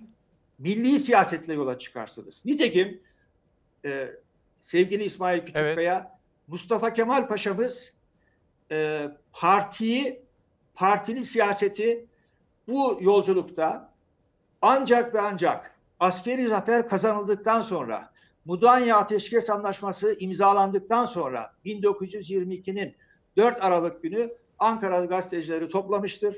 Ben demiştir bundan sonra bir siyasi parti kurmak istiyorum demiştir. Bakın o tarihe kadar Mustafa Kemal Paşa ben bir siyasi parti kuracağım demiyor. Tabii tabii. Ne Sivas'ta böyle bir şey var ne meclisin İstiklal Harbi sırasında bir milli karargah olarak çalıştırıldığı dönemde böyle bir tercih var. Bu son derece önemlidir. Hocam. Ha, bu ne? Affedersiniz. Şimdi sözünüzü bölmek istemiyorum. Ee, ama bir reklam arasına gideceğim. Çünkü sormak istediğim sorular da var. Mesela Yunus Nadi ile atamız arasındaki bir diyalog var meclisin kurulmasına dair. Fakat sorumu Evet. sorsam yarım kalacak. Şimdi bir mola verelim. Siz de bir Tamam. parça soluklanın. Ben de reklam arasını vermiş olayım. Daha sonra bu Yunus Nadi'nin atamızla olan diyaloğuyla başlayarak sizinle sohbetimiz 10.45'e kadar devam edecek sevgili hocam. Çocuklar bayramı içinizde, evet evet klibi verelim. Evet bayramı bütün coşkusuyla içinizde hissedin. Bu ülkenin çocuklarına zor demek zor. Okullarda, meydanlarda olamayacağız demek zor. Zor zamanlarda kazanılan ulusal egemenlik onlara emanet. Bayramı onlara armağan. 23 Nisan coşkusu meydanlarda olamayacaksa evlerde olacak. Sınıflarda, okullarda kutlanamayacaksa balkonlarda, pencerelerde kutlanacak. Her yer bayraklarla süslenecek. Hep birazdan marşlar, şarkılar söylenecek. 100. yılına yakışan bir coşkuyla. Söz mü çocuklar? Söz. Söz. Söz. Söz. Söz. Söz. Bugün 23 Nisan. Hep neşe doluyor insan.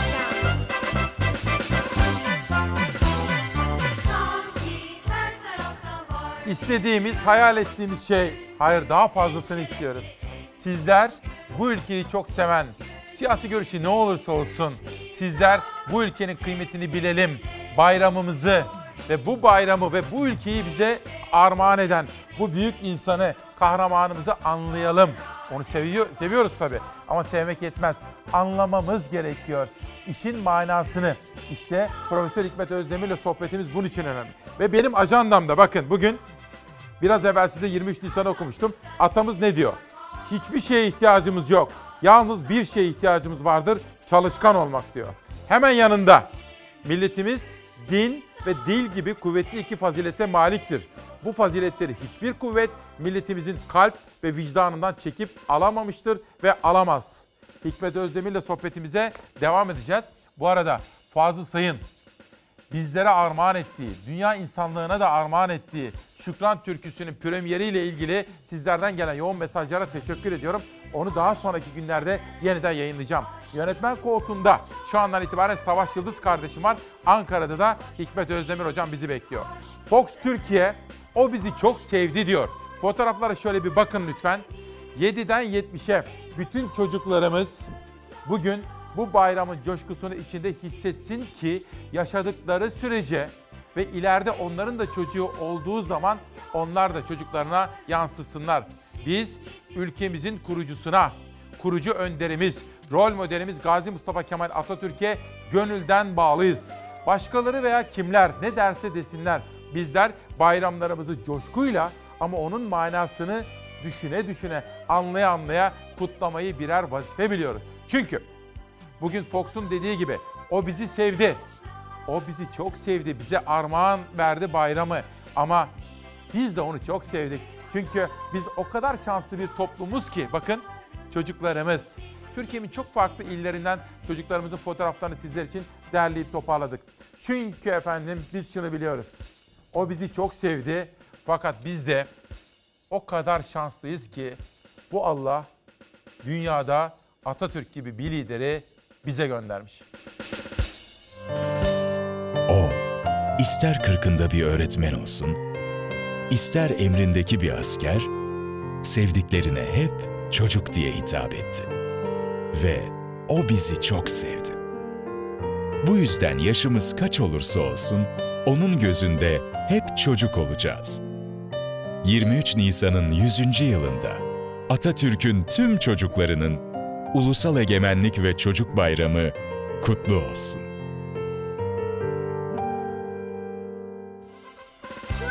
İşte Türkiye'nin kanalında, Türkiye'nin demokrasinin nefes alma kanalında bayram böyle kutlanır. Sadece bugün değil, her zaman böyle kutladığımızı biliyorsunuz. İşte çocuklarımız, bizimkisi en güzel bir öykü ve bizimkisi haklı bir güven ve bade bulduk, melek bulduk. Bütün çocuklarımız ve bakın bana da gelmiş sevgili İsmail Küçükkaya ben Süheyn'dan Aydoğdu demiş 12 yaşındaki çocuğumuz. Ve çok uzaklarda da olsa çocuklarımız bayram coşkusunu o çocuk yüreklerinde hissediyorlar.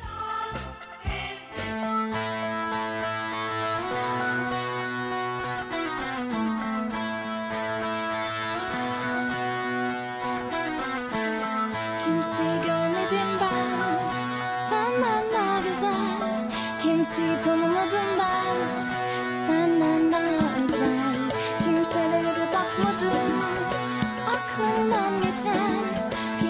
tanımadım ben Senden daha güzel 23 Nisan kutlu olsun.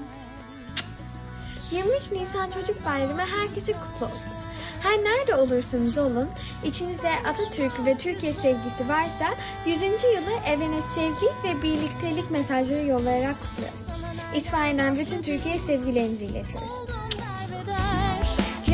Sana sakladım Bugün 23 Nisan. Hep neşe doluyor insan. Tabii şöyle, Simin Arat gibi, Hasan Arat gibi düşünüyorum. Fazıl Say'ın Türkiye'ye armağan ettiği Şükran Türküsü burada premierini yaptı. İlk defa seslendirildi. Arat ailesine de çok teşekkür ediyorum. Ama bir üzüntümü de sizlerle paylaşayım mı? Bayram coşkuluyuz ama tutuklu gazeteci arkadaşlarımın çocuklarını düşünüyorum şimdi. Mesela Barışların çocuklarını düşünüyorum. Murat Ağırel'in çocuklarını düşünüyorum. Ne kadar zor. Onları düşünüyorum. Bir de bizler için kendi sağlıklarını hiçe sayan sağlık çalışanlarının çocuklarını düşünüyorum. Onları da unutmayın olur mu? Mesela dün, dün hayatını kaybeden o aile hekimimizin iki kızı veya İzmir'de birer hafta arayla hayatını kaybeden iki aile hekimi kardeşimiz. Türk Tabipleri Birliği'nin o konudaki klibini de ilerleyen dakikalarda aktaracağım.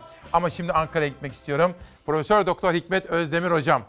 Hocam bir kere daha günaydın. Size gönderilen o kadar çok mesaj var ki yayından sonra size o mesajları göndereceğim ve siz de ne kadar sevildiğinizi gönderilerden anlayacaksınız bir kere daha hocam. Hocam şimdi 100 yıl önce kurulan bir meclis. Fakat meclis hangi şartlarda kuruldu? Düşman işgal altında. Atamızın bir öngörüsü var. Sizin her zamanki tespitlerinizden yola çıkarak bunu anlıyoruz. Bir de Yunus Nadi ile arasında meclisin kurulup kurulmamasına dair bir diyalog var. Şimdi sözümüz, kulağımız sizde. Ee, e, haklısınız. Şimdi e, Mustafa Kemal'in e, önemli özelliklerinden bir tanesi bu sürecin hemen her aşamasını planlaması ve yönetmesi. Yani bizzat yönetmesi. Ve bunu yaparken kimi zaman en yakınındaki insanlarla bile e, görüş ayrılığı doğabiliyor. Bunlardan en çarpıcı olanı e, 3-4 Nisan 1920 gecesi sabaha karşı Yunus Nadi ile yaptığı bir konuşmadır. Orada Yunus Nadi e, zaten yeni bir gün önce Ankara'ya gelmiştir. Halit Edip Hanım'la Adnan Adıvar'la falan beraber gruplar halinde İstanbul'dan e, buraya doğru Ankara'ya doğru geliyorlar. Şimdi e, bakar etrafa e, böyle asker, ordu falan gibi bir şey yok. E, Ankara'nın etrafı ise müthiş çatışmaların, olağanüstü çatışmaların olduğu bir dönemden geçiyor. Nallıhan, e, Düzce, Bolu, Adapazarı burada İstanbul hükümetine ve ondan talimat alan, onun yönlendirmesiyle, onun para vermesiyle, onun silah vermesiyle oluşmuş bir takım kuvvetler Ankara'ya doğru yürümektedir. Ee, İstanbul'daki e, İngiliz ve diğer işgalciler de şunu söylüyorlar. Bu haydutlar meclisini dağıtın diyorlar, toplanmasın, orayı basın. Yani bu gelen kuvvetlerin ki bunlar maalesef İstanbul hükümeti tarafından gönderiliyor. Bu gelen kuvvetlerin hedefi, askeri anlamdaki hedefi Ankara'da açılacak olan meclisi dağıtmak. Şimdi 3-4 Nisan gecesi e, Yunus Nadi'nin e, Ankara'da gördüğü manzaralardan, yolda e, sağdan soldan gelen bilgilerden dolayı morali çok bozuk. Ve şöyle söylüyor, diyor ki paşam ne diye meclis diye ısrar ediyorsunuz? Meclisi açacaksınız. Size ayak bağı olacak. Bakın dikkat edin. Ayak bağı olacak diyor. Siz ve 3-5 diğer başka arkadaşlarınızla bir komite mi dersiniz, bir konsey mi dersiniz? Bir oluşuma gidin. Bu mücadeleyi yürütün diyor. Şimdi bunu Yunus Nadi ki bir kalemli entelektüeldir. Bunu askeri entelektüeller söylüyor. Ordu komutanlığı yapmış. Çanakkale kahramanına söylüyor. Çanakkale kahramanı o askeri deha aynen şu yanıtı veriyor. Diyor ki meclis hakikattir. Hakikatlerin en büyüğüdür diyor.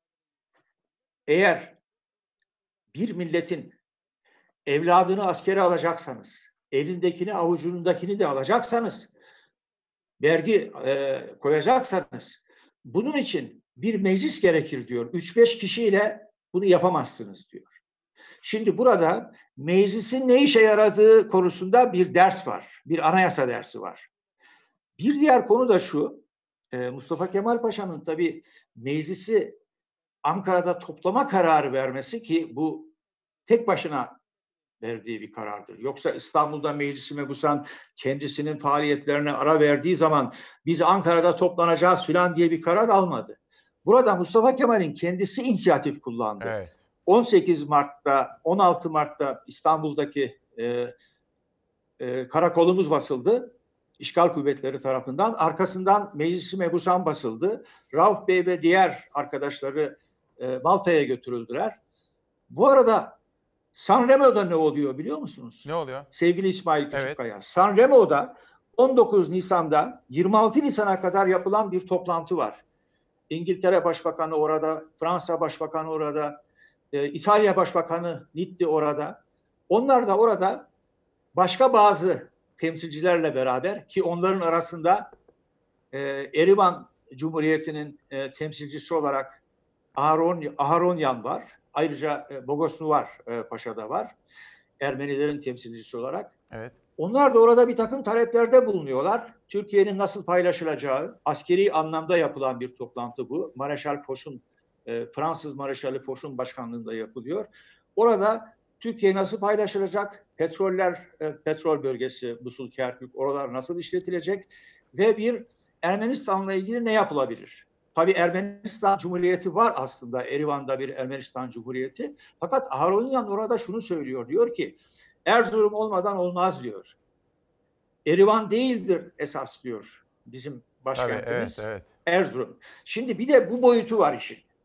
Ayrıca bir, bir diğer boyutu daha var. O da Yunanistan'ın askeri e, güç kullanarak e, İzmir'de ve bölgede e, işgali yaygınlaştırılması.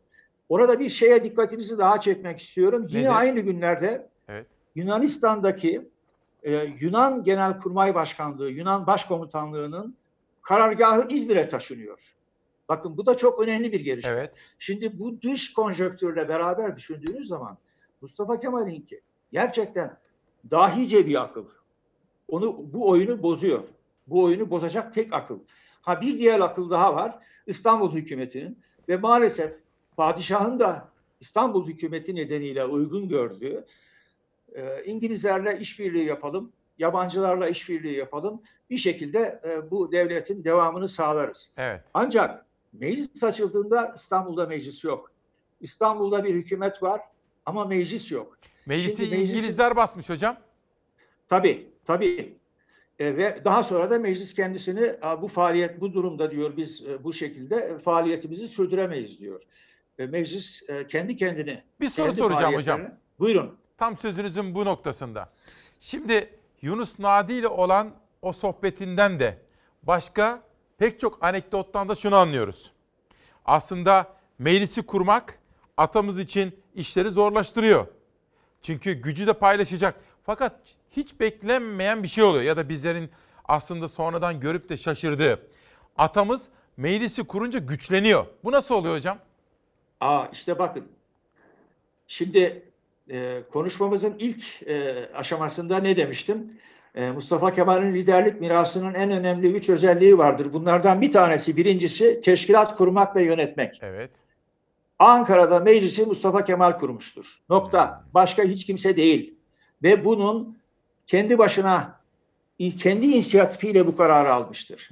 Şimdi biz tabii e, Sivas Kongresi'nden sonra e, Ankara'ya gelen heyeti temsiliyenin bir kısmı tabii İstanbul'a gidiyorlar. Rauf Bey falan. Heyeti temsiliye diye de bir şey ortada kalmıyor aslında. Mustafa Kemal var. Başka kimse yok. Heyeti temsiliye. Çoğu zaman da heyeti temsiliye adına kararları tek başına alıyor ve bildiriyor. E, zaman zaman e, telgraflarda şöyle bir e, ünvan kullanıyor. Heyeti temsiliye namına Mustafa Kemal. Şimdi bu aslında Mustafa Kemal'in bu yaptığı iş e, bizim e, milletimizin tarihindeki eşsiz bir iyiliktir. Eşsiz, bir, Eşsiz bir iyiliktir. iyilik. Evet, eşi benzeri olmayan bir iyiliktir. Şimdi bu meclisin e, kurulmasından sonra da hızlı bir şekilde, çok hızlı bir şekilde ki zaten kuruluşta ilk gün e, bu belirtiliyor. Hakimiyet kayıtsız şartsız milletindir deniyor. Bunun anlamı açık. Hakimiyetin başka bir şeyi yok. Milli hakimiyetin tek bir kaynağı vardır.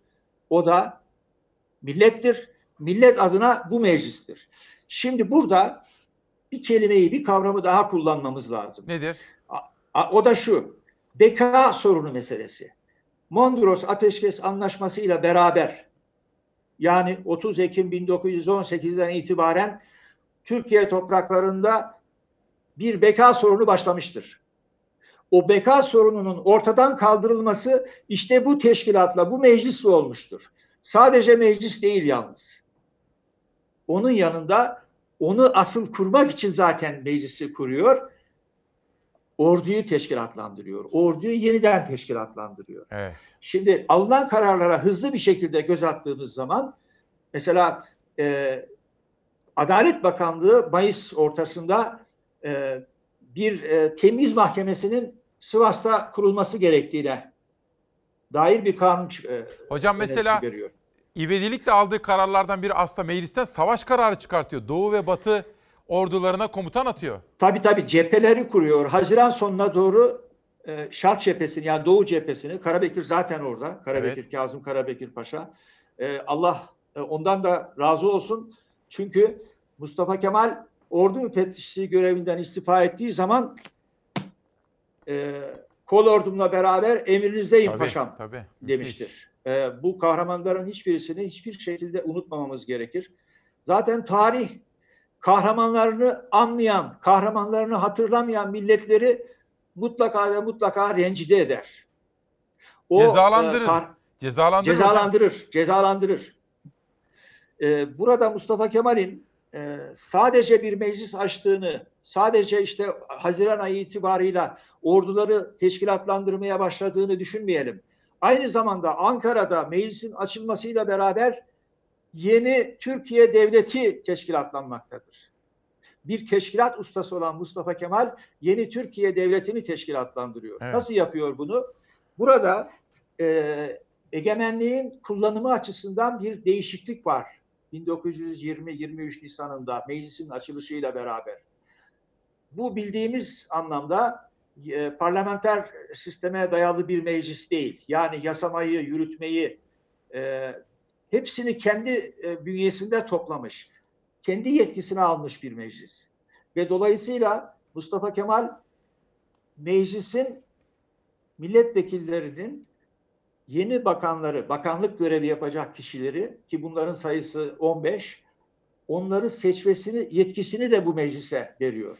Burada dikkat çeken bir şey var. Evet. O da çok çok önemli. Şimdi 23'ünde 13.45'te meclis açılıyor. İlk anda 115 kişi var. Evet. Daha sonra bu sayı yükselecektir. Yani İstanbul'dan gelebilenler, başka şehirlerden seçilip de yollarda e, olanlar vesaire var. O sayı yavaş yavaş yükselecek. Yani ilk e, oturumda katılan sayısı 115. E, bu ilk gün. İkinci gün Mustafa Kemal çok ama çok önemli konuşmalarından birisini yapıyor. Mustafa Kemal Ankara'da ilk önemli konuşmasını 27 Aralık'ta geldikten iki gün sonra yapmıştı. Ankara e, esnafına, Ankara eşrafına, Ankaralılara yapmıştı. Ve onlara şu tarihi önemdeki cümleyi söylemişti. Hak kuvvetin üstündedir. Eğer dünyada bir kuvvet var ise hak o kuvvetin üstündedir. Bu milleti mahkum edemezsiniz anlamına Müthiş, geliyor bu. müthiş. Müthiş bir şey. Yani siyaset bilimi açısından da bu cümle çok çok önemli. Hocam, Şimdi Buyurun. çocuklarımızdan da çok mesaj var. Biliyorum ki sizler de mesela siz uzun yıllar ben sizi nereden tanıyorum? Çok uzun yıllardır siz işte askeri okullara gittiniz, devletimizin pek çok okullarına gittiniz, harp akademilerinde orada kahramanımızı anlattınız. Mustafa Kemal Evet. Atatürk'ü anlattınız. Çocuklarımızı da biz bu bilinçle yetiştirmeye gayret ediyoruz. Çocuklardan gelen bir video var. Onu kısacık bir anlatacağım ama dönüşte size şunu sormak istiyorum müsaadenizle. Tabii. Atamızın bu siyasi ve askeri dehası içerisinde, öngörüleri içerisinde devletimizin yeniden kurulup yeniden baştan teşkilatlanırken Ankara'nın seçilmesinin stratejik dehasından bahsedeceğim. Size onu soracağım ama bir Tamam. izin verin lütfen. Ankara'yı konuşacağız ama sevgili Türkiye'm bakın çocuklarımız atamız çocukları çok seviyordu. Dünyada çocuklara bayram armağan etmiş bir deha o. Bakın çocuklarımız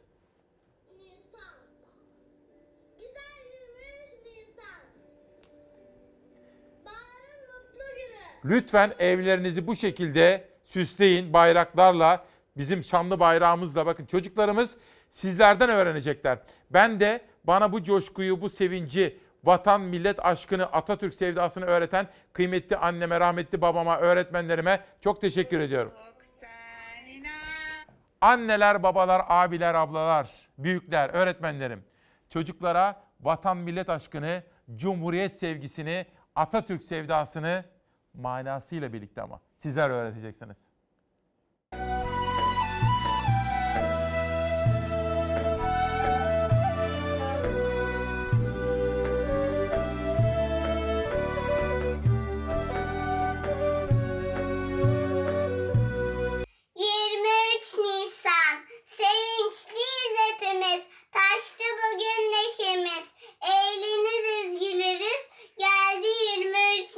Nisan 23 Nisan. Sevinçliyiz hepimiz. Taştı bugün neşemiz. Eğleniriz güleriz. Bugün 23 Nisan. Eğlenip gülecekler, gülüşleri hiç solmayacak. Çocuklar bugün 23 Nisan Ulusal Egemenlik ve Çocuk Bayramı'nı evlerinde kutlayacak.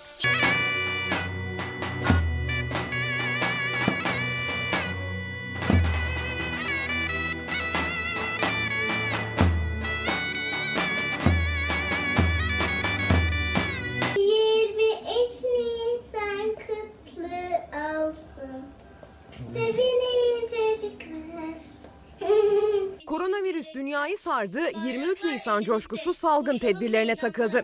7'den 70'e herkesin hayatının merkezi haline geldi evler. Hal böyle olunca 23 Nisan coşkusu da evlerde yaşanıyor. En mutlu köşe mutluluk veren bir şu 23 Nisan bayramını bize hediye eden Atatürk'ümüze büyük minnettarız. Öğrenciler sınıf arkadaşlarıyla sıraları paylaşamıyorlar bugünlerde. Ama beraber çektikleri videolarla bayramlarını beraber kutluyorlar. Biga Sakarya İlkokulu 3F sınıfı öğrencileri 23 Nisan Ulusal Egemenlik ve Çocuk Bayramı'nı Hayat Bayram olsa diyerek kutladı. Bütün dünya buna inansa, inansa, hayat bayram olsa. 23 Nisan şiirleri armağandır atama. Bu bayram bizlere atamızdan armağan.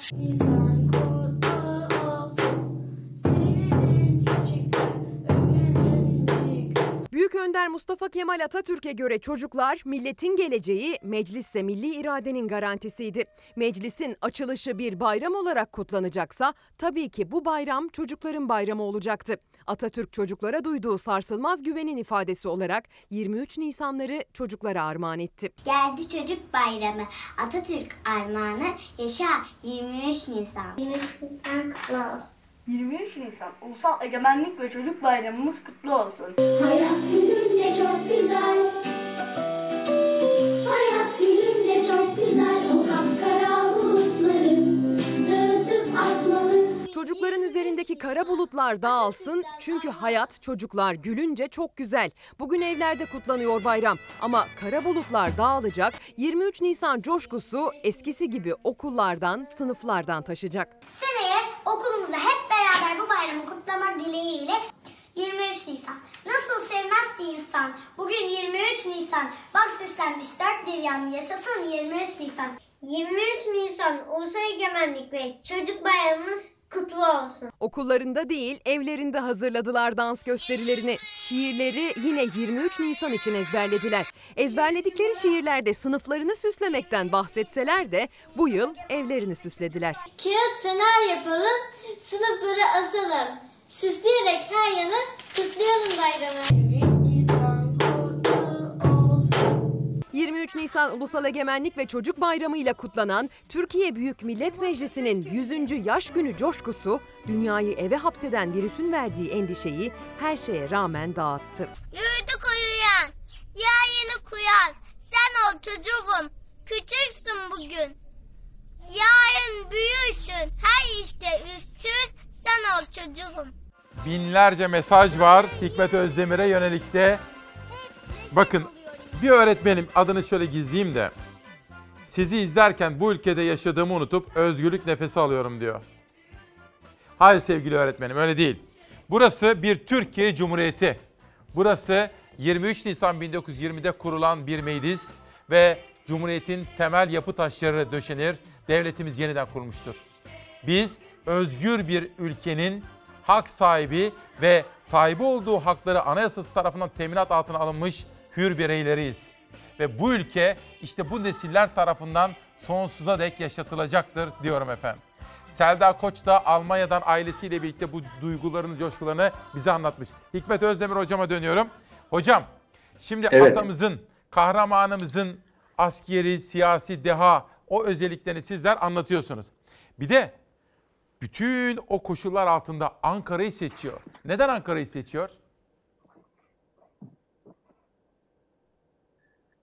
Ee, Atatürk sonradan bazı kararlarının gerekçelerini çok iyi anlatmıştır. Şöyle ki Nutuk'ta 1927 yılında e, şu şekilde bir paragraf vardır. Yol ve yöntem odur ki eğer belirli bir hedefe doğru yakın olmazsanız, yakın durmazsanız Evet.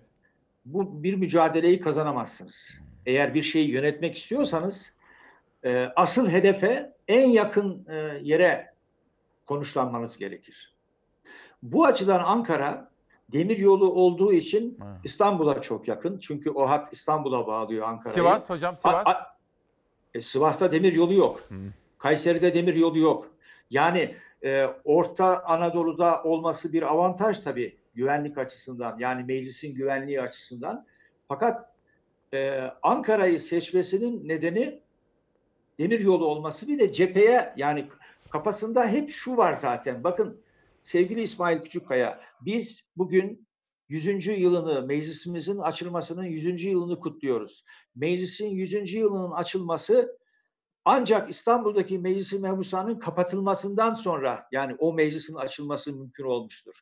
Yalnız o meclise seçildiği halde sağlık gerekçesiyle aslında güvenlik nedeniyle İstanbul'a gitmeyen Mustafa Kemal 9 Mart 1920 tarihinde bütün askeri birliklere bir talimat göndermiştir. Elinizdeki silahların sayısını, topların sayısını, kamaların sayısını, her şeyini, envanterini bize bildirin demiştir. Bu ne demek biliyor musunuz? Bu büyük bir askeri harekat için hazırlık yapmak isteyen bir başkomutanın yapacağı bir şeydir. Yani Mustafa Kemal bu işin sadece siyasi boyutunu düşünmüyor. Sadece uluslararası ilişkiler boyutunu düşünmüyor. Aynı zamanda ve belki de diğerlerinden çok daha fazla bu işin askeri boyutunu düşünüyor. Zaten askeri boyutunu düşünmeseydi ve onu planlamasaydı ve onu yönetmeseydi Ankara'da açılan meclis de ortada kalmazdı. Demek istediğim şu. Evet. Mustafa Kemal sonradan bazı şeyleri daha iyi gerekçelendirilmiştir. Tamam. Bunun çarpıcı bir e, örneğini de aktarayım size. Lütfen. Ee, Mustafa Kemal'in 23 Nisan 1920 günü Ankara'da açtığı mecliste pek çok konuşma yaptığını biliyoruz meclis başkanı olarak. Açık oturumlar yani açık toplantılarda, genel kurulda ve gizli oturumlarda pek çok konuşmaları var. Daha sonra reis cumhur olduktan sonra Mustafa Kemal Paşa yani reis cumhur Mustafa Kemal, Gazi Mustafa Kemal sıfatıyla e, meclisin açılış konuşmalarını yapıyor. Mustafa Kemal'in meclisteki son konuşması 1 Kasım 1937 açılış konuşmasıdır. Ertesi yıl zaten e, o tarihte kendisi meclis açıldığı zaman komadadır. Yani 10 Kasım'dan 10 gün önce 1938'de meclis açıldı biliyorsunuz. Orada o zaman komada. Meclisteki son konuşma, açılış konuşması 1 Kasım 1937'dir. Orada şunu söyler. Bu çok önemli bir değerlendirmesidir. Adeta 1919 diyelim 20 yani meclisin açılması ama milli mücadelenin Erzurum ve Sivas kongreleriyle Evet. e, başla- başladığını e, e, ilk aşama şunu 1919 işte 18 20 20 yıllık bir dönemin hesabını verir. Hocam Hesap bir şey sorabilir miyim? buyurun. Şimdi tam size bakarken bir taraftan yönetmenim bizim Çalar Saat gazetemizi gösterdi dünkü. Ben bu fotoğrafı özellikle sayfaya siz görebiliyor musunuz? Önünüzde kamera var E, mı? e, evet evet. E, Hocam evet bakın şu evet. fotoğrafı bir anlatır mısınız bize? Bakın. Bundan tam 100 yıl önce bugün 23 Nisan 1920 Türkiye Büyük Millet Meclisi'nin açılışı. Şimdi bakın bu fotoğrafa bizi burayı şunu bir anlatır mısınız hocam bize? O anı, o koşulları çünkü siz çok çalıştınız bu konulara biliyorum. E, sayfa sayfa kitap okudunuz, meclise girdiniz, genelkurmay arşivlerine girdiniz. Şimdi ben sizin eserlerinizden bildiğim için bugünü anlatır mısınız hocam o koşulları biraz? E, meclisin yani to- toplandığı, açıldığı evet, günü. o gün ve o o meclis. E, anladım tamam. Tarihi fotoğraf. Evet bakın bu. Tam Evet. 100 yıl önce bugün. Şimdi e, bir kere şunu söyleyeyim. Meclis demokrasilerin mabedidir. Bunu söyleyeyim. Bir. Ha burada ne oluyor? Yeni devletin mabeti açılıyor aslında. Bravo, müthiş. Kutsal bir mekan meclis. Onun için biz bu meclis daha sonraki gelişmeleri de dikkate alarak Gazi Meclis diyoruz. Ve dünya tarihinde bu meclisin faaliyetlerini de örnek gösteriyoruz. Tabii bunu e, biraz önce e, söylediğim o 1 Kasım 1937'de açılış konuşmasında, meclis açılış konuşmasında e, kahramanımız şu şekilde, şu cümlelerle izah ediyor. Diyor ki, bizim yolumuzu çizen, üzerinde, içinde yaşadığımız yurt, bağrından çıktığımız Türk milleti ve bir de diğer milletlerin binlerce yıllık tarihinde ıstırap ve elem kaydeden sayfalarından çıkardığımız sonuçlardır. İzin verirseniz bunu bir kere daha söyleyeyim. Evet lütfen. Bizim yolumuzu çizen, bizim yolumuzu çizen, üzerinde yaşadığımız yurt, bağrından çıktığımız Türk milleti ve bir de diğer milletlerin ıstırap, binlerce yıldır ıstırap ve elemle kaydedilen sayfalarından çıkardığımız sonuçlardır. Şimdi bu anlamda Mustafa Kemal hem bir yapıcı yani mimar, bir işin mimarı hem de daha sonra açıklamalarını yaparak e, milli liderlik, devlet adamlığı örneklerinden en başarılı olanıdır bizim tarihimizdeki. Muazzam. Hocam şimdi zaten bir- Evet. zaten çok özür dilerim sevgili estağfurullah, İsmail. Küçükkaya. Zaten onun bu özelliği de milletle kendisi arasında bir özdeşliğe dönüşmüştür ve bugün 100. yılında hala onun attığı adımları, onun attığı temelleri biz gururla, kıvançla konuşuyoruz ve anıyoruz. Muazzam. Şimdi hocam siz tabii bir aynı zamanda bilim insanısınız. Bakın benim kullandığım defterde, her günkü gündemi yazdığım defterde şöyle bir sözü var atamızın. Biz cahil dediğimiz zaman mektepte okumamış olanları kastetmiyoruz. Kastettiğimiz ilim hakikat bilmektir. Yoksa okumuş olanlardan ne büyük cahiller çıktığı gibi Evet. hiç okumak bilmeyenlerden de hakikati gören gerçek alimler çıkabilir diyor. Hocam bu nasıl bir bakıştır? Ee, şimdi burada e, ş- bunun arkasında, arka planında şu var. Ee, bunu siz e, çok iyi yapıyorsunuz ve e, mesleğiniz aynı zamanda. Ee, Mustafa Kemal bana göre e, bizim 20. yüzyıl tarihimizdeki ve işte bugün içinde düşünürsek bir iletişim dehası, en büyük iletişim uzmanı. Yani bir re- reklam şirketleri yok, kampanyaları yöneten e, işte bir takım gruplar yok, vesaire yok, şu yok, bu yok filan. Ama bu adam tek başına, bakın ben size bir rakam vereyim. Havzada 19 gün kalıyor. Sevgili İsmail Küçükkaya bu 19 günde 55 şifre telgraf gönderiyor. 55 tane Evet. şifre telgraf. Ha bu telgraflarla ne yapıyor? Bu telgraf, telgraflarla tabii kolordular sayesinde, kolordu komutanlıklarının şifrelerini kullanarak ulaşmak istediği her yere ulaşma çabasını. Bu o çaba. Ama milli mücadele askeri anlamda sonlandıktan sonra biraz önce söylemiştim işte 4 Aralık 1922'de Ankaralı gazetecilere toplayıp da ya ben e, parti kurmak istiyorum. Bundan sonrasına bir Evet. parti kurarak devam edeceğim açıklamasını bir basın toplantısıdır o. Çok tarihi bir basın toplantısıdır. Onu yaptıktan sonra 23 16 Ocağı'nda aşağı yukarı e, Mart sonuna kadar süren bir yüz yüze iletişim kampanyası vardır onun Mustafa Evet. Kemal'in. Ankara'da e, Halkı tren- da uyandırmak trene- ister. Halkı da uyandırmak Tabii ister tabii. bir taraftan. Ama orada orada bir şey var. Orada çok önemli bir özellik var. Nedir? Mustafa Kemal aracısız iletişimi seçiyor insanlarla. Halkla aracısız iletişim. Birebir. Aracı yok. Yüz yüze iletişim. Müthiş, müthiş. Ve gidiyor. Önce Eskişehir'de, arkasından Adapazarı'nda, sonra İzmit'te, daha sonra e, Balıkesir taraflarına gidiyor. Oradan en nihayet, tabii bu arada bir e, e, acı bir haber de alıyor. Acı haberi Eskişehir'deyken alıyor. Anacığının ölüm haberini alıyor. Ve Her evlat gibi anasının ölüm haberini, ölüm haberini evet alınca gözünden iki damla yaş dökülüyor.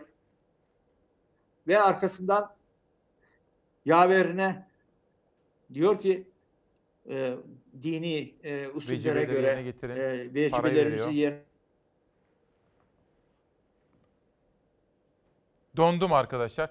Bağlantıya bir, de, bir kere daha dönmeye çalışın arkadaşlar. Çocuklarımızla ilgili bu arada ben şu kitapları da tanıtayım size. Çocuklarımızdan gelenler Nutuk Mustafa Kemal Atatürk Gaziantep Çocuk Oyunları Ali Atalar ve Centilmenlik Ödülü alan ilk Türk Bay Fair Play İsmet Karababa.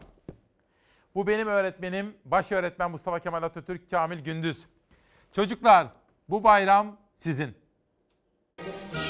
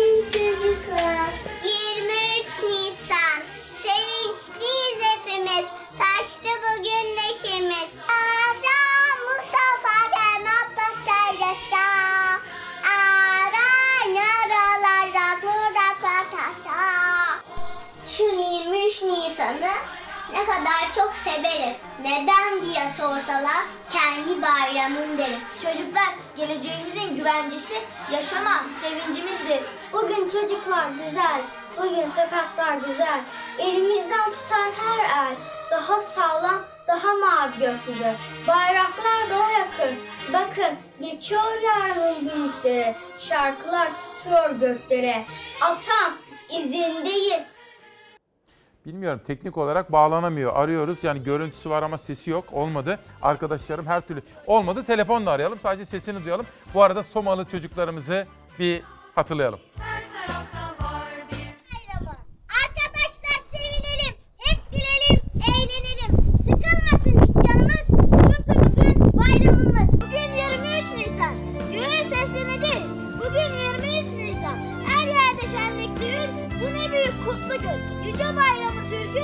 2023 Çocuklar Atatürk Türk gençliği bizim yüksek idealimize durmadan, yorulmadan yürüyecek. Biz bugün dünyanın tüm çocuklarına armağan edilmiş bir bayramı yaşıyoruz.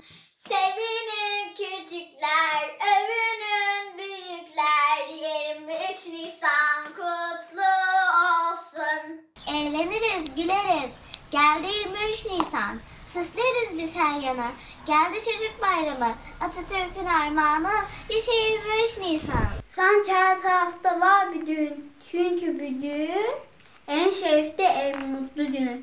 Bugün 23 Nisan en neşeli duyuyor insan. Çocuğum ben bu benim bayramım. Gökyüzünde uçtu balonlarım.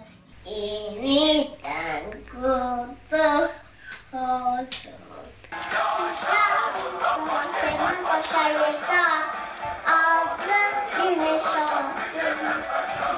Sevgili atam, bu bayramı bize he- hediye ettiğin için çok teşekkür ederim. 23 Nisan bize en şerefli günümüz. Al bayrağı açalım. Gel gidelim törene. Bir teşekkür bizlere bugünleri verene. Şimdi tabii hocayla teknik bağlantı bazen böyle oluyor. Neden öyle oluyor bilmedim. Bilmiyorum ama en azından ev telefonunu arayın Savaş. Evden arayın. Eşini arıyoruz, kendisini arıyoruz. Ne oldu bilmiyorum. Teknik olarak bir sorun çıktı. Öyle zannediyorum. Bir bakın bakalım arkadaşlar. Bir kitap tanıtımı daha yapayım ben o arada. Çünkü bir soru daha sormak. Çünkü son söz hakkını da bırakmak istiyorum kendisine. Çünkü çok değerli bilgiler veriyordu Hikmet Özdemir. Toprak Damlı Evlerin Çocukları İbrahim Rıfkı Boynu Kalın. Haluk Ziya Türkmen yazmış yeni kitap ve bizde. Ve bir adamlık yer diyor Talan Ayşe Kanca. Geldim arkadaşlar.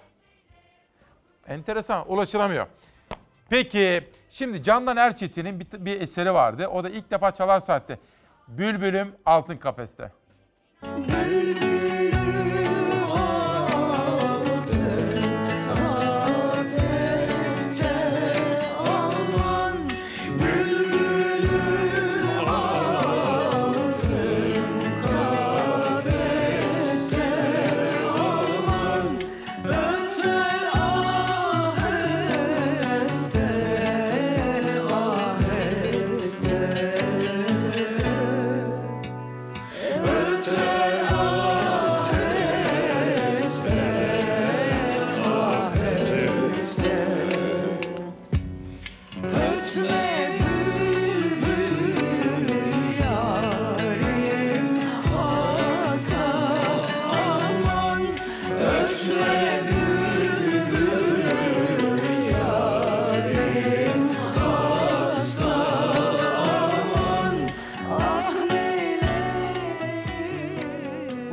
yarına yayınlarım ben size. Hocam tekrar merhaba. evet dinliyorum. Hocam tabii teknik bazen olabiliyor böyle şeyler. Üzülmemek lazım. Hocam son olarak şunu sormak istiyorum. Sizinle bir daha bir yayın yapalım yakında biz. Ama buralarda inşallah şu koronavirüs günleri de geçsin de. İnşallah. Sizi, sizi şöyle yaklaşık bir buçuk yıl kadar önce ortak dostlarımız Ali Kemaloğlu, Nihal Kemaloğlu'nun evinde sohbet etmiştik hatırlıyorsunuz. O Evet. günlerde siz atamızın Samsun'a doğru yola çıkış, Anadolu'ya doğru yola çıkış öyküsü. Oradan başlayarak bir takım sohbetler yapmıştık. Şimdi siz duydum ki onun kitabını ya- yazıyormuşsunuz. Doğru mudur? Doğrudur evet. Nedir hocam? Kısacık anlatır mısınız? Yani e, kısaca şöyle, şimdi e, 16 Mayıs 1919'dan 27 Aralık'ta Ankara'ya geliyor biliyorsunuz. O kadar e, zaman diliminde geçen süre 225 gündür. Yani 225 gün boyunca Mustafa Kemal ve karargahı bir yolculuk halindedir. Anadolu'da yolculuk yapmaktadır. Yani Mustafa Kemal'in Evet. İstanbul'dan çıkış, Ankara'ya gelişi. Tabii meclisin açılmasına gelen kadar ki süre ise 117 günlük bir dönem. İkisini topladığınız zaman yaklaşık bir yıl yapıyor. Evet. Şimdi bu bir yılın içinde zaten mucize gerçekleşiyor. Yani e, hem İstanbul'da meclis açılıyor, o meclis basıl- basılıyor, o meclis kendi kendine e, faaliyetlerine ara veriyor. Bunu konuşmamın e, akışı içerisinde bunlara değindiğimi hatırlıyorum. Evet. Ama bir şey söylemiştim. Bir beka sorunu var. Bu beka sorunu 1918-30 Ekim'inde başlamış. Mondros Evet. Ateşkes Anlaşması'yla bu kaçınılmaz bir son bir yere doğru gidiyor. Bu nereye gidecek? Dağılacak. Dağılma sürecine giriyor. Gerçek anlamda bir büyük beka sorunu yaşıyor Peki. Türkiye. Hocam. İşte o beka sorununu durduruyor. Peki. Çok Bunu- teşekkür ediyorum. Kitabınızın da başarılı olmasını istiyorum. Yazılmakta olan kitabınızın.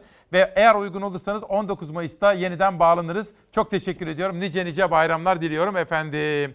Peki yarın sabah yine özel bir yayınla 7.45'te İsmail Küçükkaya ile Demokrasi Meydanı'nda görüşmek üzere. Savaş hazır mıyız? Verelim.